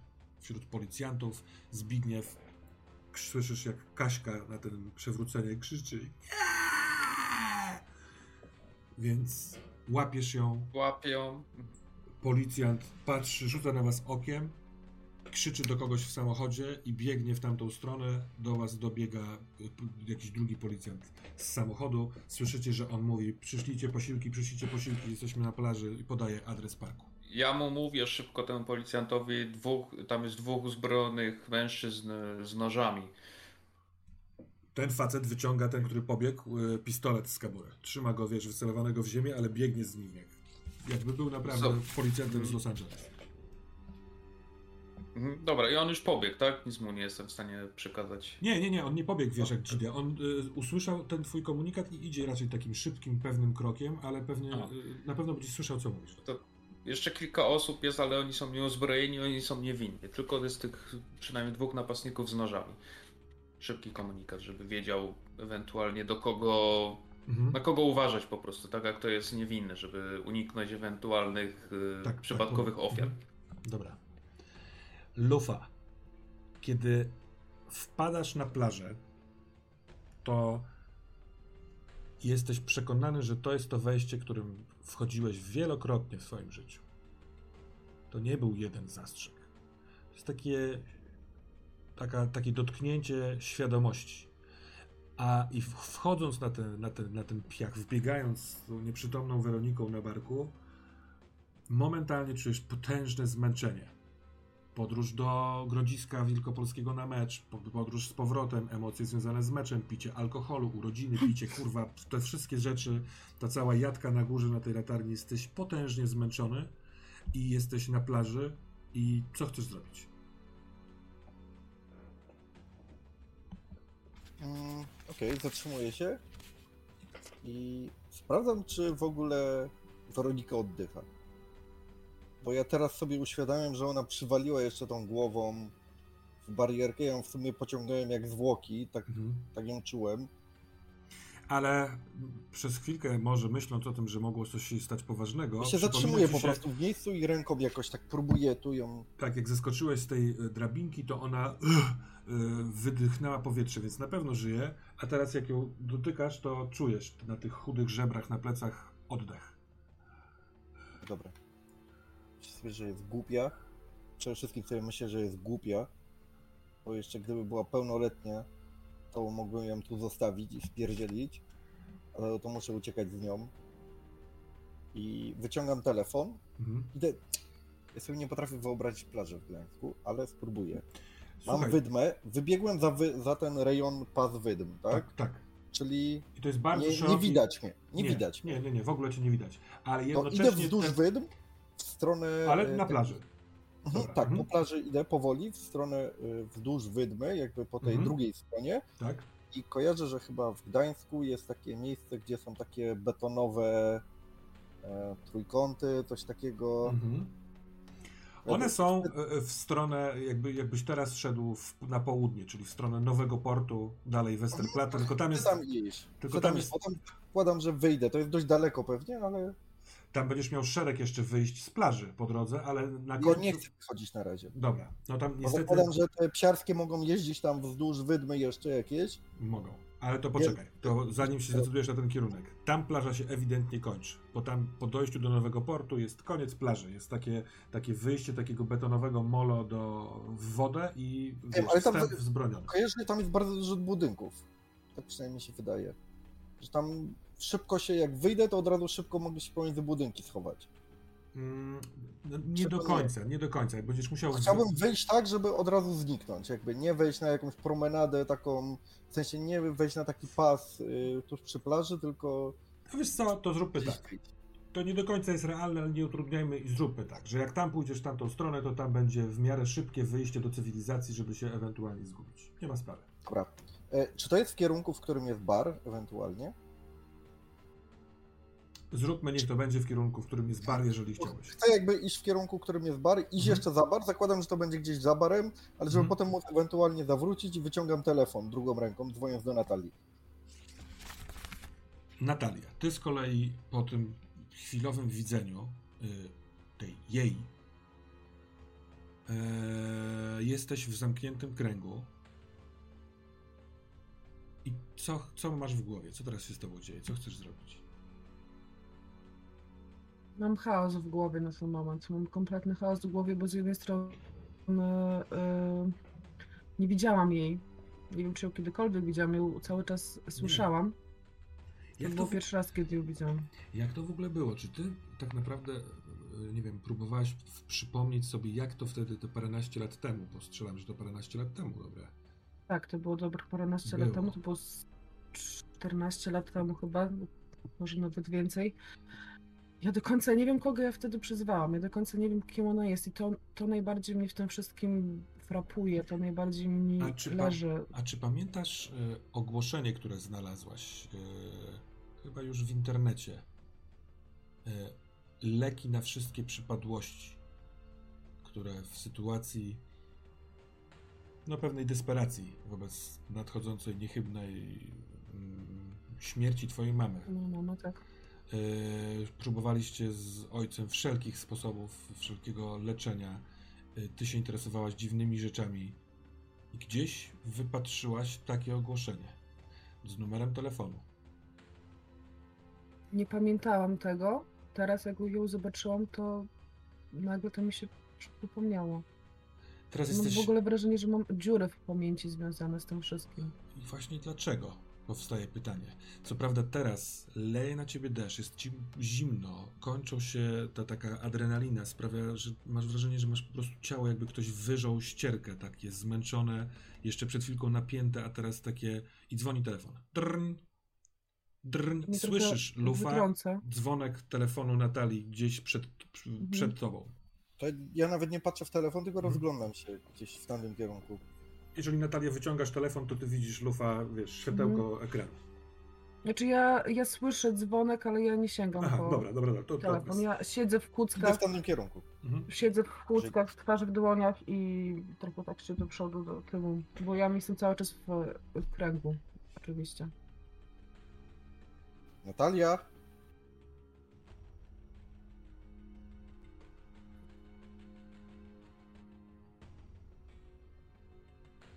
Podchodzę do niej Mhm. po prostu, jeżeli ją widzę. Tak, tak, tak, Natalia. Czepię ją w ramię. Pierwsza rzecz, nie, nie, przerywałeś, nie przerywałeś e, kręgu? Nic ci nie jest? Nie przerywałeś kręgu? Odsuń się. Wszedł do kręgu. Szedł do kręgu, ale czy przerwał krąg? Ja panicznie po prostu sprawdzam, czy jakąś nogą nie przysunął, coś nie... Nie. Może przy, przypadkowo widocznie przestąpił ponad linią. Kurwa, Natalia, co się dzieje? Czy ty, zrobili ci coś? On ma tą kobietę Nie. na, na ramieniu, tą dziewczynę właściwie. Wygląda jak mokra ścierka. Pedalarze zarki, nie? Dobra. Właśnie, coś, Ach. coś tam stało, co się tam stało? Nie wiem, no kurde, tak głupia i wskazuje głową na dziewczynę, która mi wisi na ten. Nachlała się, nie wiem, może się czegoś nażarła, jakichś prochów czy czegoś i chciała Nie mów, że jest że głupia. nie zostawię. Nie mów, że jest głupia, nie wiesz co przeżywa, nie wiesz co ma w... Ja wiem, że się najebała i nie ma osiemnastki, no. Nie wszystko da się alkoholem wyjaśnić. Dobra, e... super Ale nie, nie co? możemy jej oddać psiarskim, no. No nie, no nie. Muszą gdzieś przenocować. To nie jest jakaś... To jest jakaś znajoma córki Zbyszka, tak? To jest moja znajoma z klasy. A, o. Okej, Ja wiesz, zresztą też chodzi do gdzie mieszka? Nawet gdybym wiedział, to jej nie zostawię rodzicom na ganku. Nie w takim stanie. A masz gdzie ją przyjąć? Dlatego Ja dzwoniłem do wiem. ciebie. Ja wiem, czym to się skończy. Dobra, ale to, mi, ale to mi daje jakieś takie poczucie celu w tym momencie. Ja w tym momencie jestem w stanie troszeczkę tym, to wszystko gdzieś do tyłu głowy schować, no i mam teraz poczucie celu, że muszę pomóc tej dziewczynie. Mhm. Więc e, Czyli waszą intencją. Natalia i Trzebiemir, jest ewentualnie y, udanie się z tą dziewczyną do Natalii. Czy ty. Lufa, odprowadzisz ją, w sensie odniesiesz? Ja myślałem bardziej o barze, ale idę za Natalią na razie. no co? Dobra, Ja myślę, że zmierzamy do baru, ale idę z nie, za Natalią. Mhm. ale to sekunda, bo wy wyruszacie, a pewnie inne wydarzenia mogą mieć na to wpływ, ponieważ Zbigniew i Juliusz. Y, policjant z samochodu bardzo próbuje was y, mm, dowiedzieć się, dowiedzieć się czegokolwiek, trochę uspokoić, y, wysłuchać wszystkich rzeczy, które mówicie. I... Znaczy, ja. Mhm. chciałem powiedzieć, że nie mówię. To znaczy, Mhm. że ta sytuacja, w której, że tak powiem, mnie tąpnęło tam i e, jest na zasadzie takiej, że ja się włączam w taki e, tryb, e, że tak powiem, odbiór. Że w momencie, w którym on zadaje jakieś pytanie, ja odpowiadam na to pytanie, natomiast cała werwa tej sytuacji jakoś mnie tak trąpnęło to, że ani nie byłem w stanie pomóc, ani nie byłem w stanie nic zrobić. No to, to całe szczęście ta policja przyjechała, ale to też żaden sukces. Spierdzieliło się wszystko, nie wiadomo gdzie kto jest, nie wiadomo czy ktoś. I jak gdyby jestem w takim trochę szoku, trochę w takim. Panie, panie, panie, no niech pan wstanie. Cały pan zamoknie, niech pan wstanie. Policjant próbuje ci pomóc wstać. Coś panu się stłukło w tej torbie, niech pan tam nie wkłada ręki. Proszę pana. On próbuje ci pomóc wstać. Czy p- dajesz się Tak, tak, podnieść? tak, tak, tak, tak. Masz mokre portki i od wódki, i od deszczu. Zbigniew, czy ty współpracujesz z tym policjantem? Mówisz o E, rzeczy? Ja natomiast tak, ja bardzo rzeczowo zdaję relację z tego, co się działo. Tak trochę Mhm. też odzwierciedlając chyba ten rzut, także tam dosyć dobrze tak, się udało, więc y, jakby totalnie zachowałem spokój. Wiem, czego oni będą potrzebować w tej sytuacji, jakich informacji, więc przekazuję im najistotniejsze informacje od razu. Dobra. Po chwili słyszysz też e, kolejny sygnał policyjny. Coś tam nadjeżdża po, z tych wezwanych.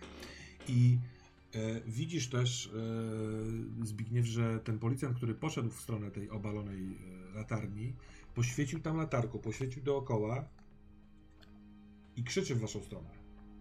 Nikogo nie ma! Jak Ma- to nikogo nie ma? I widzisz, że on latarką teraz świeci na ten przewrócony podest i teren wokół. To nie jest aż tak daleko, ale no, no, widzisz, że zdecydowanie zajął się raczej z, z sprawdzeniem, czy ktoś, kto ewentualnie był na tej latarni, coś się komuś stało, czy nie. Może wcześniej objął, wiesz, światełkiem tych ewentualnie uzbrojonych, ale wiesz, miota się z tą latarką, ale nic się nie dzieje. Przyjeżdża kolejna policja. Skoro padają, y, powstrzymaj mnie, jeżeli tak nie jest, Zbigniew. Informacje, że była tam też kobieta, Natalia, barmanka oraz chłopak, który wszedł po dziewczynę na wieżę, Ja właśnie wszystko mówię dokładnie tak, jak było. No. to, poprosz, to, to w pewnym momencie proszą was o numery telefonów do nich albo o zadzwonienie do nich, żeby sprawdzić, gdzie oni są, bo tam ich nie ma nigdzie. Mhm. Kasia, no to może uciekli, widzisz, to może wszystko się udało, tak? Kaśka Być od może razu sięga po telefon i dzwoni. Trzebiemir uciekł z, przed tymi napastnikami razem z Werką. Czy ja mogę w tym momencie wysłać SMS-a? Możesz. W tym momencie E, ewentualnie chcemy- dzwoni twój telefon, ale możesz pisać SMS-a. Mm, czy chcemy to publicznie, czy chcemy niepublicznie? Chciałem SMS-a do Kaśki wysłać. No to dawaj. Napisz, możesz na, na, napisać na Discordzie, jak chcesz. Twoja E, decyzja. Napisałem ci na Discordzie. Dobra. To poproszę o sekundę. Zakładam, że to jest tuż po tym, jak my ruszyliśmy z Natalią. Mhm, dobra.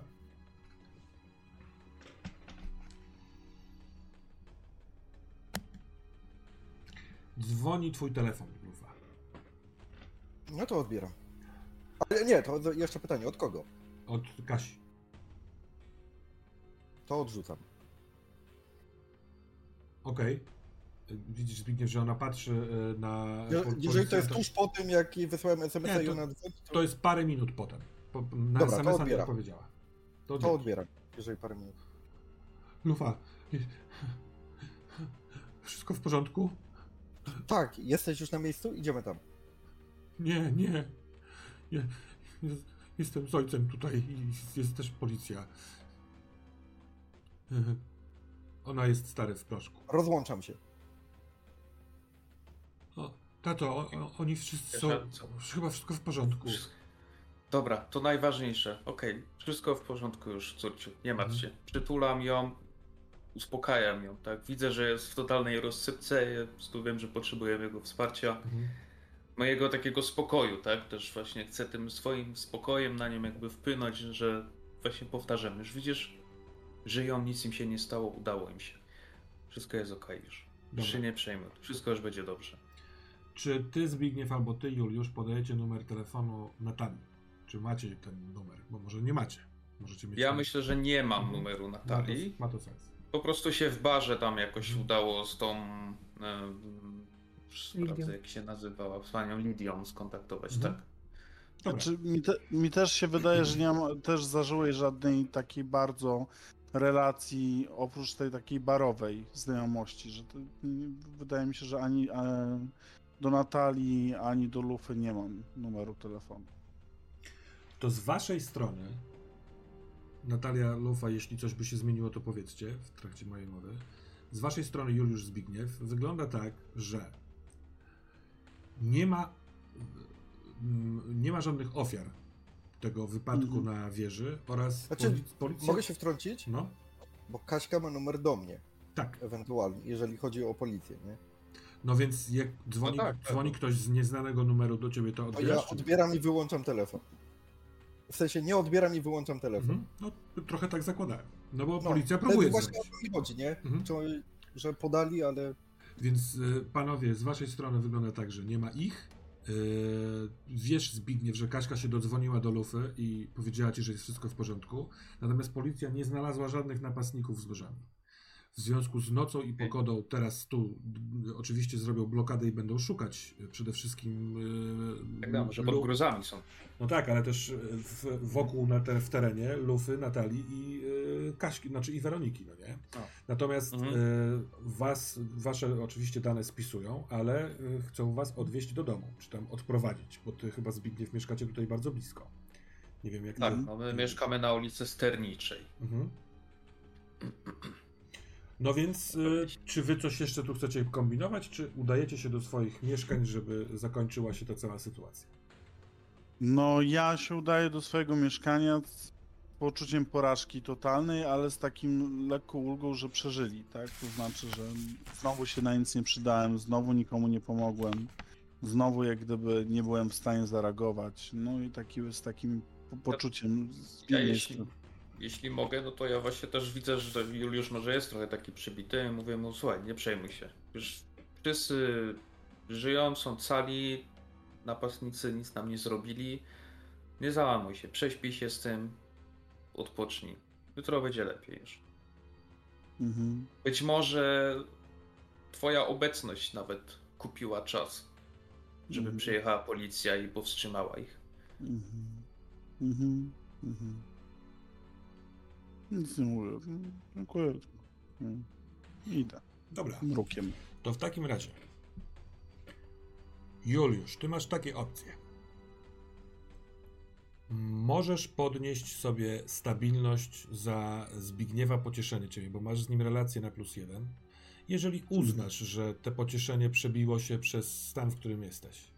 Wydaje mi się, że nie. I ja bym chciał, jak wracamy z tymi policjantami, to podejść do mieszkania, tak jak oni mnie odprowadzają, zrobić dwa kroki w tył, e, zajrzeć do najbliższego monopolowego za rogiem, że tak powiem, wziąć sobie już nie wódkę czy cokolwiek innego, ale jakąś taką alpagę, dosyć pojemną, litr pojemności, że tak powiem, z tą alpagą wrócić z powrotem do mieszkania i przebrać się w suche rzeczy i alpagą sobie po prostu dokończyć wieczór. A ty z kimś, z kimś mieszkasz? Nie, ja mieszkam samotnie. Jak gdyby cała ta historia jest taka, że jak gdyby on nie był w stanie stworzyć relacji, rodziców już nie ma, jest trochę sam jak palec, spalił sobie życie na uczelni i tak naprawdę ci towarzystwo z baru i jedna pracownik socjalna, która tam się nim opiekuje, to są jedyne osoby, które tam są jego kontaktem z rzeczywistością. A więc sam w nocy w suchych ciuchach w domu chlejesz i chyba nie do końca jesteś sam. ale zaraz tam wrócimy. A ty, Zbigniew, Mhm. odprowadzają cię tak naprawdę, albo możecie sami iść, bo to jest bardzo blisko, yy, z Kaśką do domu. Czy ty coś jeszcze chcesz zrobić, czy idziesz spać? Chcesz, chcesz porozmawiać z Kaśką, czy idąc Ja- do domu? Tak, no chciał, chciałbym z nią porozmawiać, tylko pytanie, czy w drodze, czy w domu już, bo tam Jak- też pewnie Jak wolisz? No, mnie obojętne tak naprawdę. Może tak jak ty uważasz bardziej. E, Sądzę, że w domu, w domu możecie być w ciszy od deszczu, w odcięciu od tej sytuacji, w takiej trochę, Mhm. trochę intymniejszej e, opcji. Może ona trochę też ochłonie, przez ten czas trochę te emocje jej opadną, więc będzie łatwiej porozmawiać w domu już. Tak, tak, Mhm. na, na pewno po prysznicu w jakichś takich, e, wiesz, szlafrokowatych, ciepłych rzeczach siedzimy Mhm. z kraju łóżka. Może Agnieszka, twoja żona, w ogóle się nie obudziła, jak, jak wolisz. Możesz zostawić to na jutro. Mm, chyba tak, no, Mhm. tak zrobimy.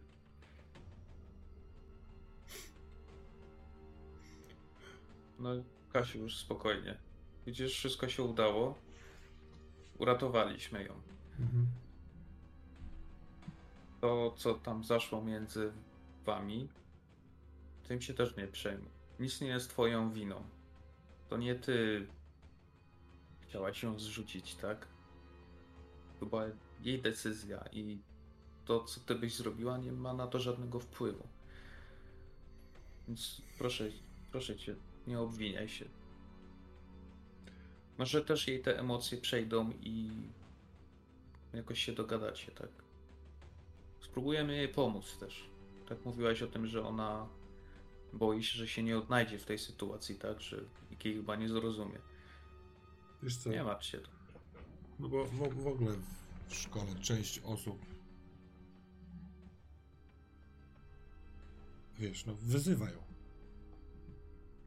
Nikt chyba nie wie, ona nigdy nikomu nie mówiła, ale wiesz jakie są dzieciaki, część się w domyśla czy coś? Ja chyba nawet sama się domyślałem, ale nie chciałem o tym myśleć. Ale dzisiaj nie wiedziałem, że ona tak to przyjmie. Jak, mu to, jak, jak to powiedziałem, to, to, to, to coś, coś w niej się takiego. Ona pękła, tato. Tak jakby już nie dawała rady w ogóle. Wiesz, może coś więcej się u niej dzieje oprócz tego i próbujemy jej pomóc. Teraz rozumiem, Lufa się nią opiekuje, tak? Coś ci tam mówił więcej przez ten telefon? Nie, rozłączył się. On, on jest. hm, On jest zbuntowany. On pewnie jak zobaczył policję, to stwierdził, że sam lepiej załatwi sprawę. Z głupek. Wiesz, no. Ona zbuntowana, on zbuntowany, to może znajdę jakiś wspólny język i właśnie to może jej pomoże. Przynajmniej tymczasowo, tak? Do momentu, kiedy To, że tam byli, byliście. Wyszliście z ciemności. Jak to się stało? Gdyby nie wy, to, to. I znowu wyobraża sobie, co by się stało, więc. Ale. Ale nie stało się, ale nie stało się i to jest najważniejsze, na tym się skup. Nie myśl, co by było, gdyby. Jest jak jest i tym się trzeba cieszyć. Dziękuję ci, tato. Nie ma sprawy. A teraz, teraz połóż się już może. Jutro, jaki jest w ogóle dzień? 30 to. Sobota? Sobota. Sobota. Dobra. Spokojnie, wiesz, pośpij sobie. Jutro cię nie będziemy budzić. Jak będziesz potrzebowała pogadać z nami jeszcze, czy coś, to Dobra. też daj znać. I idzie spać. I ty też. Ja też poogarniam szybko i na pewno jednak po tym, mimo że jakiś tam spokój zachowałem, ale to pewnie bardziej tak zewnętrznie, ale no mimo wszystko to jednak duże emocje, adrenalina na pewno swoje robiła, jak to wszystko zeszło, to też e, no zwala mi to z nóg i upewniam się tylko bo chyba dopiero teraz przypomniałem sobie tak naprawdę po tym wszystkim, aż mnie to dziwi, że w torbie mam kroniki. Mhm. Wyciągam je z torby, sprawdzam, czy nie przemokły, czy w ogóle są. Ale sprawdzałem wcześniej w parku, to były w tej torbie. Są i nie przemokły. Masz dobrą torbę i chyba odruchowo, nie myśląc o tym, jak wkładałeś do torby, to w taki sposób, żeby nic się nie stało. Jest cenna, stara książka. Może w niej jest jakaś odpowiedź dla ciebie. Chcesz poczytać Może tak. Czy nie?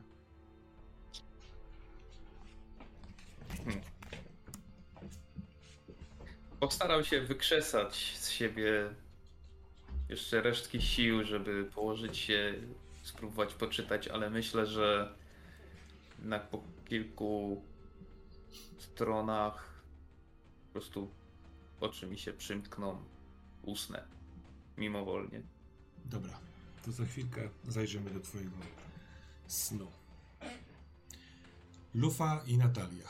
Yy, Kiedy dochodzicie do miejsca, w którym mijacie wyjście w stronę waszego baru, w sensie baru, w którym Natalia pracujesz, ty masz pomysł, Natalia, gdzie mieszkasz? Gdzieś tu w pobliżu, też nad w Myślę, że gdzieś w pobliżu, Mhm. tak. E, Prawdę mówiąc, jeżeli wyjść tym wyjściem i pójść prostopadle do plaży, dalej mijając te wszystkie budy, to tam rozpoczyna się e, blokowa część Brzeźna. Więc może gdzieś tam, na Jak blokowisku. najbardziej. Jak najbardziej na jakimś Tak. takim blokowisku. Po pierwsze, pytanie jest no. do ciebie. Gdzie mieszka Lufa? Czy też gdzieś tam, czy... tak, ja myślałem, żeby, e, że ty z mamą przeprowadziliście się z Pruszcza e, na skraju Nowego Portu i Brzeźna. Także e, tak naprawdę na tej samej dzielnicy, tylko trochę po drugiej stronie. Jakbyś stąd chciał iść na piechotę, to po 15-20 minutach tam dojdziesz. No, ja tak czy tak mimowolnie odbijam w stronę baru. Jeżeli wychodzimy ten, to Mhm. chcę jakoś tak w stronę baru iść. I... Nie możemy jej, nie możemy jej zabrać do baru, bo stare tam jutro przyjdzie. pójdziemy? Zabierzemy ją do mnie. Chodź. No, dobra. To tak cicho. e, Bardzo spokojnie to mówię, ale trochę się cieszę. Tak w duchu, że idziemy do Natalii. Mhm. Nigdy tam nie byłem. Ona się budzi w połowie drogi. Kaszląc. Co się dzieje? Postaw mnie. Nie? Czekaj, postaw ją, chodź. Żyga. Dobra, to Posta- odsta- postaw odstawiam ją. ją, nie? Odprowadzam Znaczy, ją do jakiejś Tak ławki. żeby się nie wywróciła. Mhm. Yy, bo trzyma się za, za brzuch, yy, nie, nie żygała długo. Yy, siada na tej ławce, spogląda na was i mówi: Ała, ała, napierdala mnie. Trzyma się obiema coś? rękoma za, e, za bok, za żebra. Nie piłam tylko. Miał bok boli. Co ty jej zrobiłeś? Ogłuszyłem ją, ale Bok? nie w bok. Ale to musiało być wtedy, kiedy, kiedy ona była na twoim ramieniu, a ty zeskoczyłeś z Może, drabinki na ja ziemię. tego nie to... kojarzę. No, ale dobra, to mo- możesz tego nie kojarzyć. Dobra, posłuchaj. Ja się nazywam Natalia. Chcę ci pomóc. Pójdziemy teraz do mnie, bo w takim stanie nie jesteś absolutnie yy, w możliwości, żeby wrócić sama do domu. Więc teraz pójdziemy do mnie. O, jeżeli trzeba, to cię jakoś tam opatrzę. Prześpisz się i rano porozmawiamy, ok? Jestem znajomą Lufy. Cokolwiek. To ja. Dobra, Dasz radę iść? chyba tak. Próbuję wstać, Tak, ale w momencie jak sta nie? staję, to a, zgina się w bok, y, w pół i no widać, że może ma pęknięte żebro, może złamane. Ale... Biorę ją na ręce. Zostaw mnie, nie, zostaw mnie, będę szła. Ale dasz się rady sama iść, no. wspiera się y, o twoje ramię, lufa.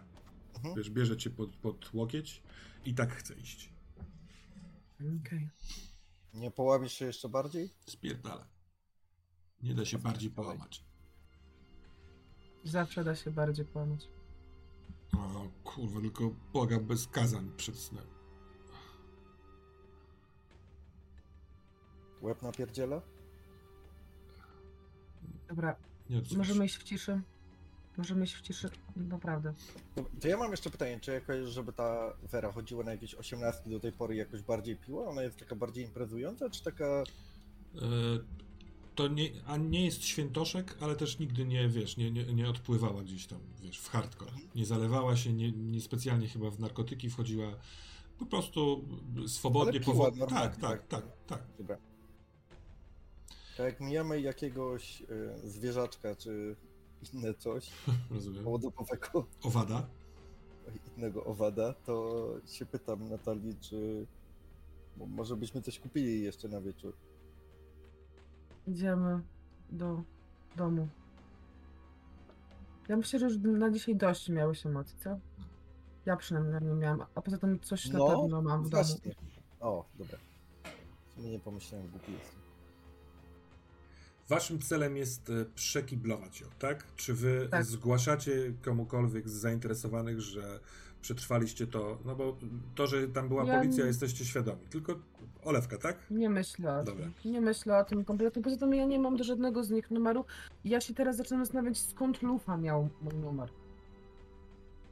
Bo i- nie przypominam sobie, żebym dawała.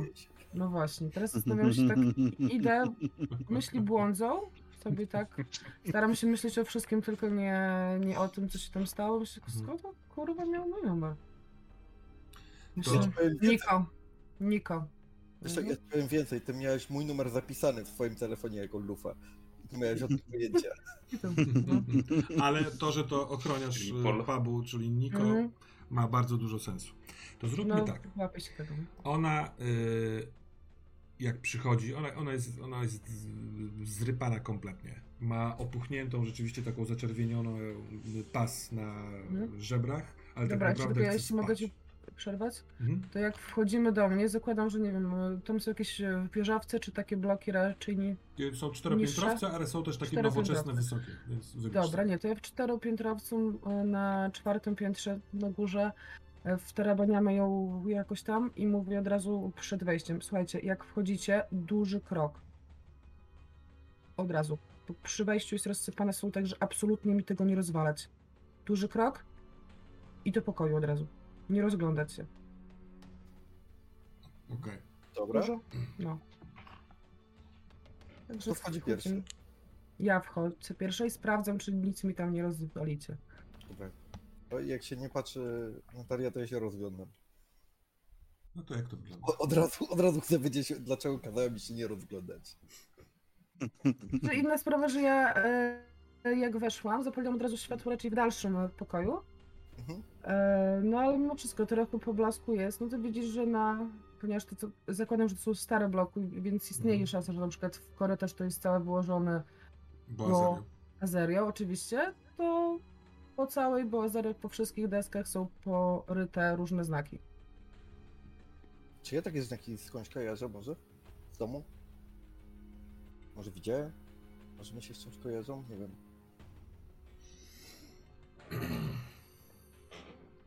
Mm, Gdzie twoja mama może mieć takie coś? Gdzie mogłeś coś podejrzeć? Mm. Ona ma.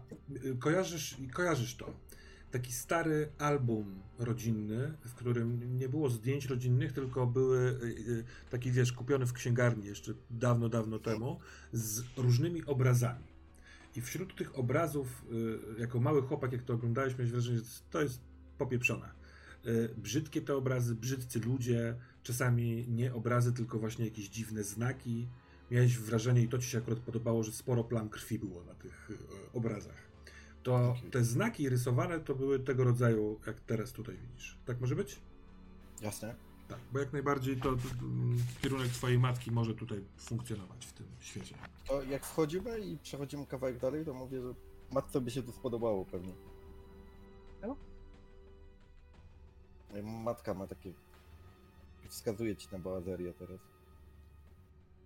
Ale... Widziałeś te znaki wcześniej? Takie albo podobne, nie wiem, no. Bo jeszcze jakby tak dość ściśle, to nie są jakieś tam znaki, które, ja, ja wiem, że to są znaki ochronne, coś w tym stylu, to są znaki, które ja czasami mam po prostu potrzeby, one mi się pojawiają w Mhm. głowie. Ja po prostu je ryję i czasami je rysuję na papierze, czasami, nie wiem, nawet ten palcem, ale z reguły właśnie tam je e, właśnie ryję. I teraz jak Milufa o tym mówisz, to no ja jestem w szoku i troszeczkę się jakby odsuwam mimowolnie od ciebie. Mhm. Jesteś pewien, że to są te same znaki? Nie, no, może podobne, nie wiem. Dobra, chodź. Dobra, mniejsza o to, gdzie ją mam Wychodź. odstawić?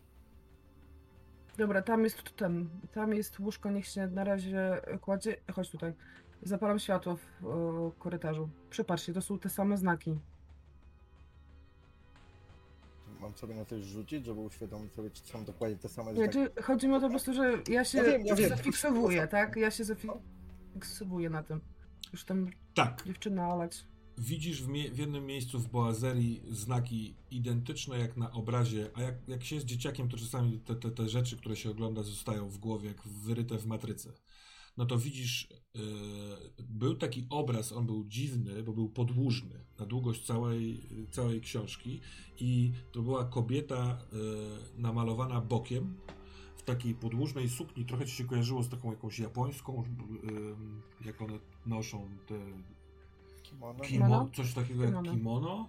Chyba miała też takie ichniejsze laczki, bo się zastanawiałeś jako chłopak, jak oni kurwa w tym chodzą, takie, z taką drewnianą listewką dziwną i ona patrzyła, e, stojąc bokiem, ale patrzyła tak jakby na malującego i na rękawie miała wymalowanych kilka, myślałeś, że liter japońskich tak naprawdę wtedy, ale teraz widzisz, bo teraz już chyba więcej wiesz o tych literach japońskich, o tym kanji, że to nie, nie, chyba nie było to, bo widzisz na listwie też w takim samym pionowym szyku serię znaków, które były tam namalowane. Dobra. No to opisuję ci ten obraz po prostu. W całości, tak, że matka miała takie zdjęcie tego obrazu i ta babeczka miała to na, na tym kimono. I to na pewno, to myślałem, że to są jakieś znaczki, próbowałem to odczytać nawet z tym ich słownikiem takim, wiesz, te japońskie takie, te literki jak mają, ale To nie jest kanji, to, to, to nie jest kanji. Ja bardzo od, od lat, od lat staram się zrozumieć i dowiedzieć, co to jest. Kurwa, człowieku, kim, kim ty jesteś? lufa. Dobra, yy, wracam do Weroniki. E, śpi, nawet lekko chrapiąc. Dobra, To, odpłynęło. ją nie szkodliwić, żeby nie wpierdzieliła z tym rano. Czwartego piętra przez okno nie wyjdzie, a drzwi będą zamknięte. No to jo. A my? No. A ty idziesz do domu? A ja muszę... Eee, Trzeba ja poszukać. dzisiaj mam urodziny. No, Miałeś świetną imprezę urodzinową, zobacz. Chodzę, napijemy się Atrakcje. czegoś. Pinaczka. Napijemy się czegoś, proszę. Tak, żeby stres szedł. Teraz Lufa, y, o ile my się już dobrze znamy, tak? To jakby y, mam wrażenie, że mógł zauważyć, że ja się staram się nie zbliżać do niego za bardzo. Mhm. To, że on zna te znaki, to, że on wie, że gdzieś, a tym bardziej, że je, to jest coś związanego z jego matką. Nie wiem, czy to mogłeś kiedyś coś, coś no, wspomnieć o Hmm. swojej matce, czy nie?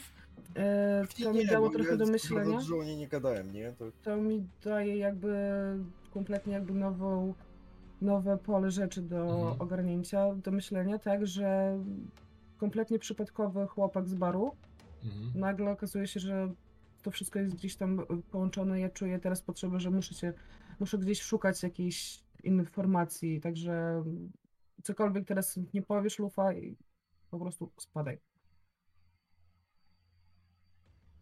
dostanę coś na drogę. Daję mu buziaka policzek. Dzięki. Nie o tym myślałem, ale spoko. Dzięki. Wchodzę. Ja wiem, że Czy pamiętasz o zrobieniu kroku ponad solą? Taki upojony tym całusem? Nie wiem. Myślę, że Rzuć. dla niektórych to jest ważne. ale no nie przypomniałam mu, Y, także nie wiem. Parzyste to pamiętasz. Nie pamiętasz. Trójkę mówiłem. Więc dostał całusa, otworzył drzwi wesoło i kiedy chciałaś powiedzieć uważaj, to przystąpił, w sensie no, nogą wdepnął Mhm. w pas soli. To ja mówię tylko do jutra i zamykam drzwi. Mhm. I, I słyszysz takie siarczyste przekleństwa z za drzwi. I zostawię was tutaj, ciebie Natalio, Mhm. sama w swoim bezpiecznym, trochę naruszonym domu z pochrapującą, pijaną samobójczynią. Trochę taką, jak kiedyś byłaś ty. No. Też sobie chrapałaś?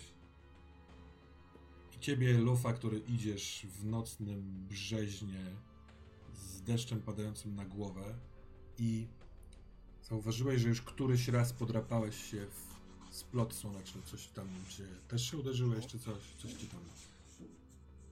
Znaczy, ja chciałem powiedzieć tylko, że nie idę do domu. No, domyślam się, że nie.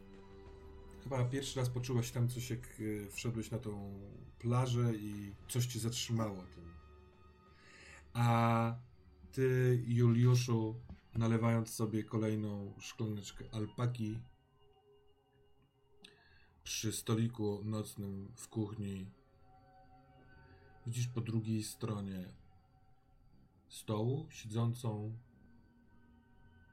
w szlafroku takim oldschoolowym, tak jak się kiedyś wtedy w tamtych czasach zakładało szlafrok, tak jak teraz garnitur na zakładkę z dobrze dopasowanym paskiem siedzi twoja mama, szczupła, wysoka, w takich kuklach, wkręcone wałki w nich, patrzy na ciebie i kiwa głową.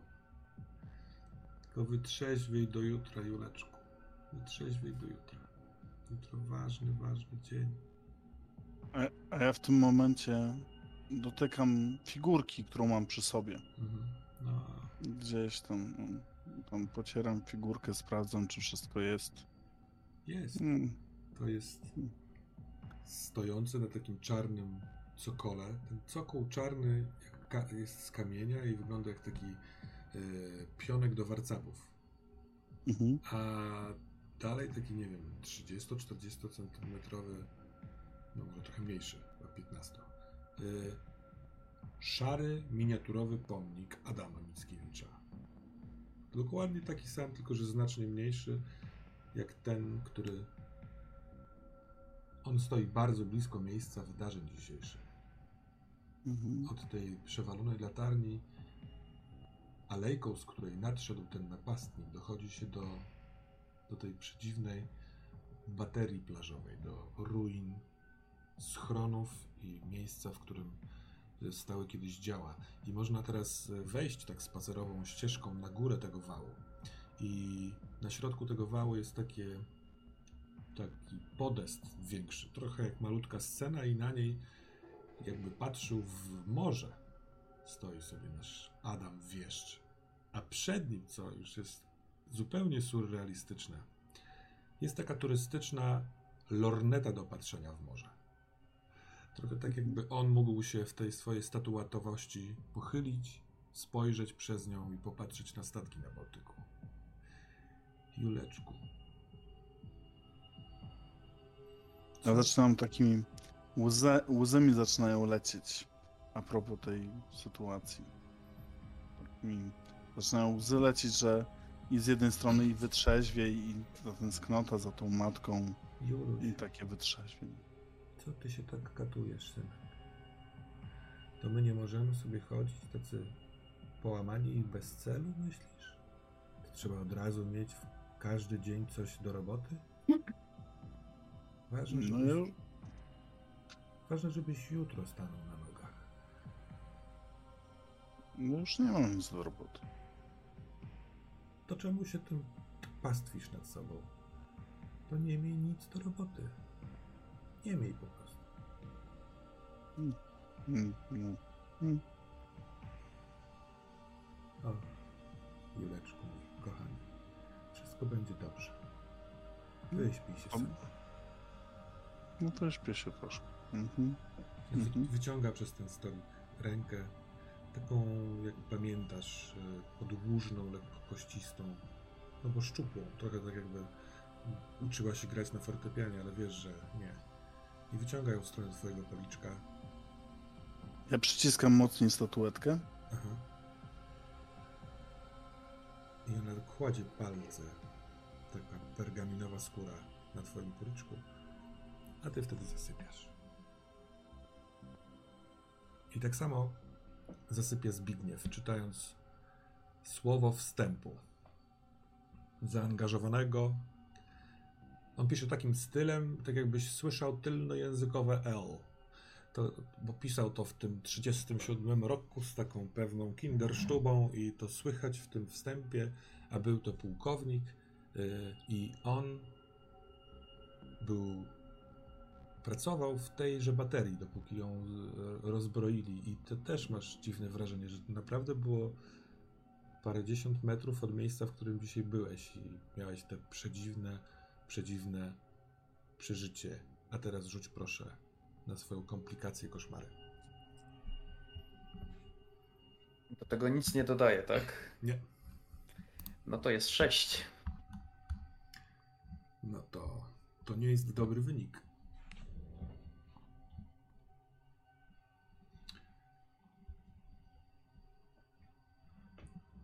Pochylasz głowę, dlatego ponieważ dostrzegasz światło. Ono jest takie migoczące, tak jakby była świeczka zapalona. Musisz pochylić głowę, bo inaczej nie wejdziesz w te takie malutkie, wąskie wejście. I słyszysz chrobot. Chrup, chrup, chrup, chrup, chrup. Jak wkładasz głowę tam do tego pomieszczenia, to jest takie niskie, zimne, kamienne pomieszczenie, w którym stoi biurko. Ono bardzo nie pasuje do tego pomieszczenia, bo wszystko to są takie, to jest taki stary kamień pomalowany sprayami, farbami, chuj narysowany. Śmierdzi tutaj. Na ziemi są śmieci, szkło pobite, ale biurko jest ładne. I za biurkiem siedzi wojskowy. Czapkę zdjął i odłożył na biurko i pisze coś takim dużym notatniku. A przed biurkiem Paweł. Ubrany jest w taki roboczy kombinezon. Sam też wiele razy, jak byłeś na jakichś wykopkach, to zakładałeś takie rzeczy, które mogą się pobrudzić.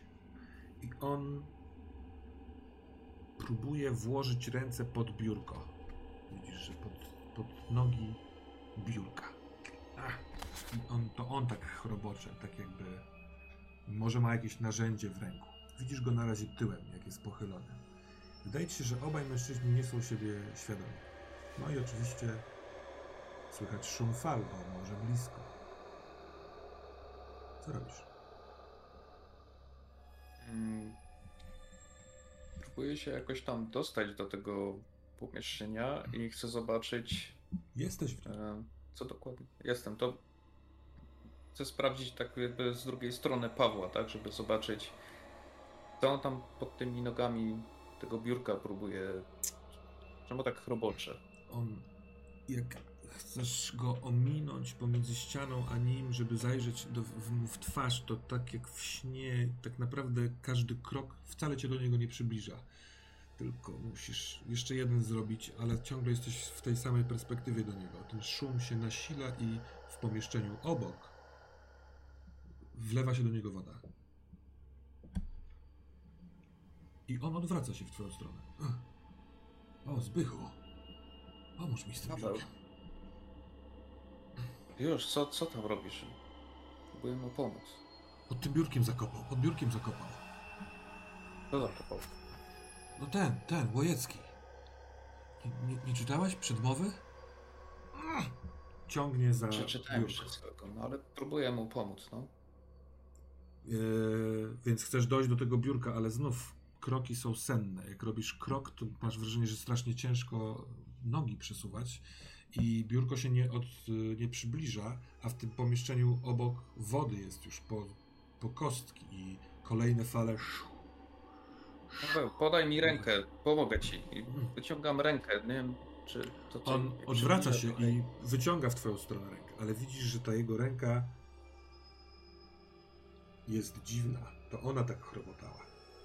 Bo palce ma takie pogrubiałe, duże i bardzo brudne, trochę tak jakby cały czas kopał w ziemi.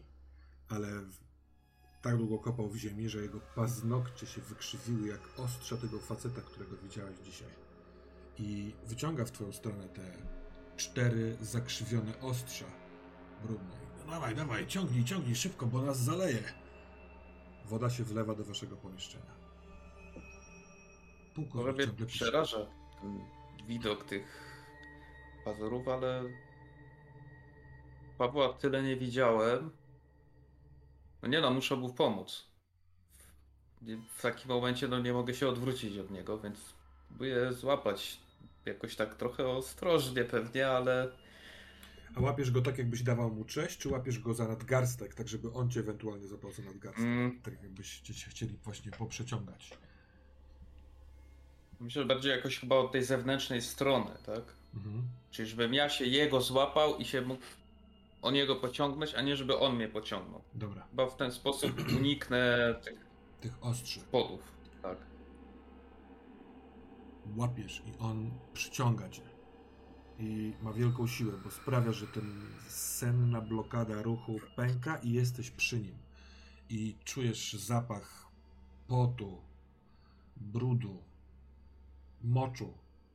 Jesteś w bunkrze, więc to trochę to, ale trochę też od niego. O jak on długo tu już jest?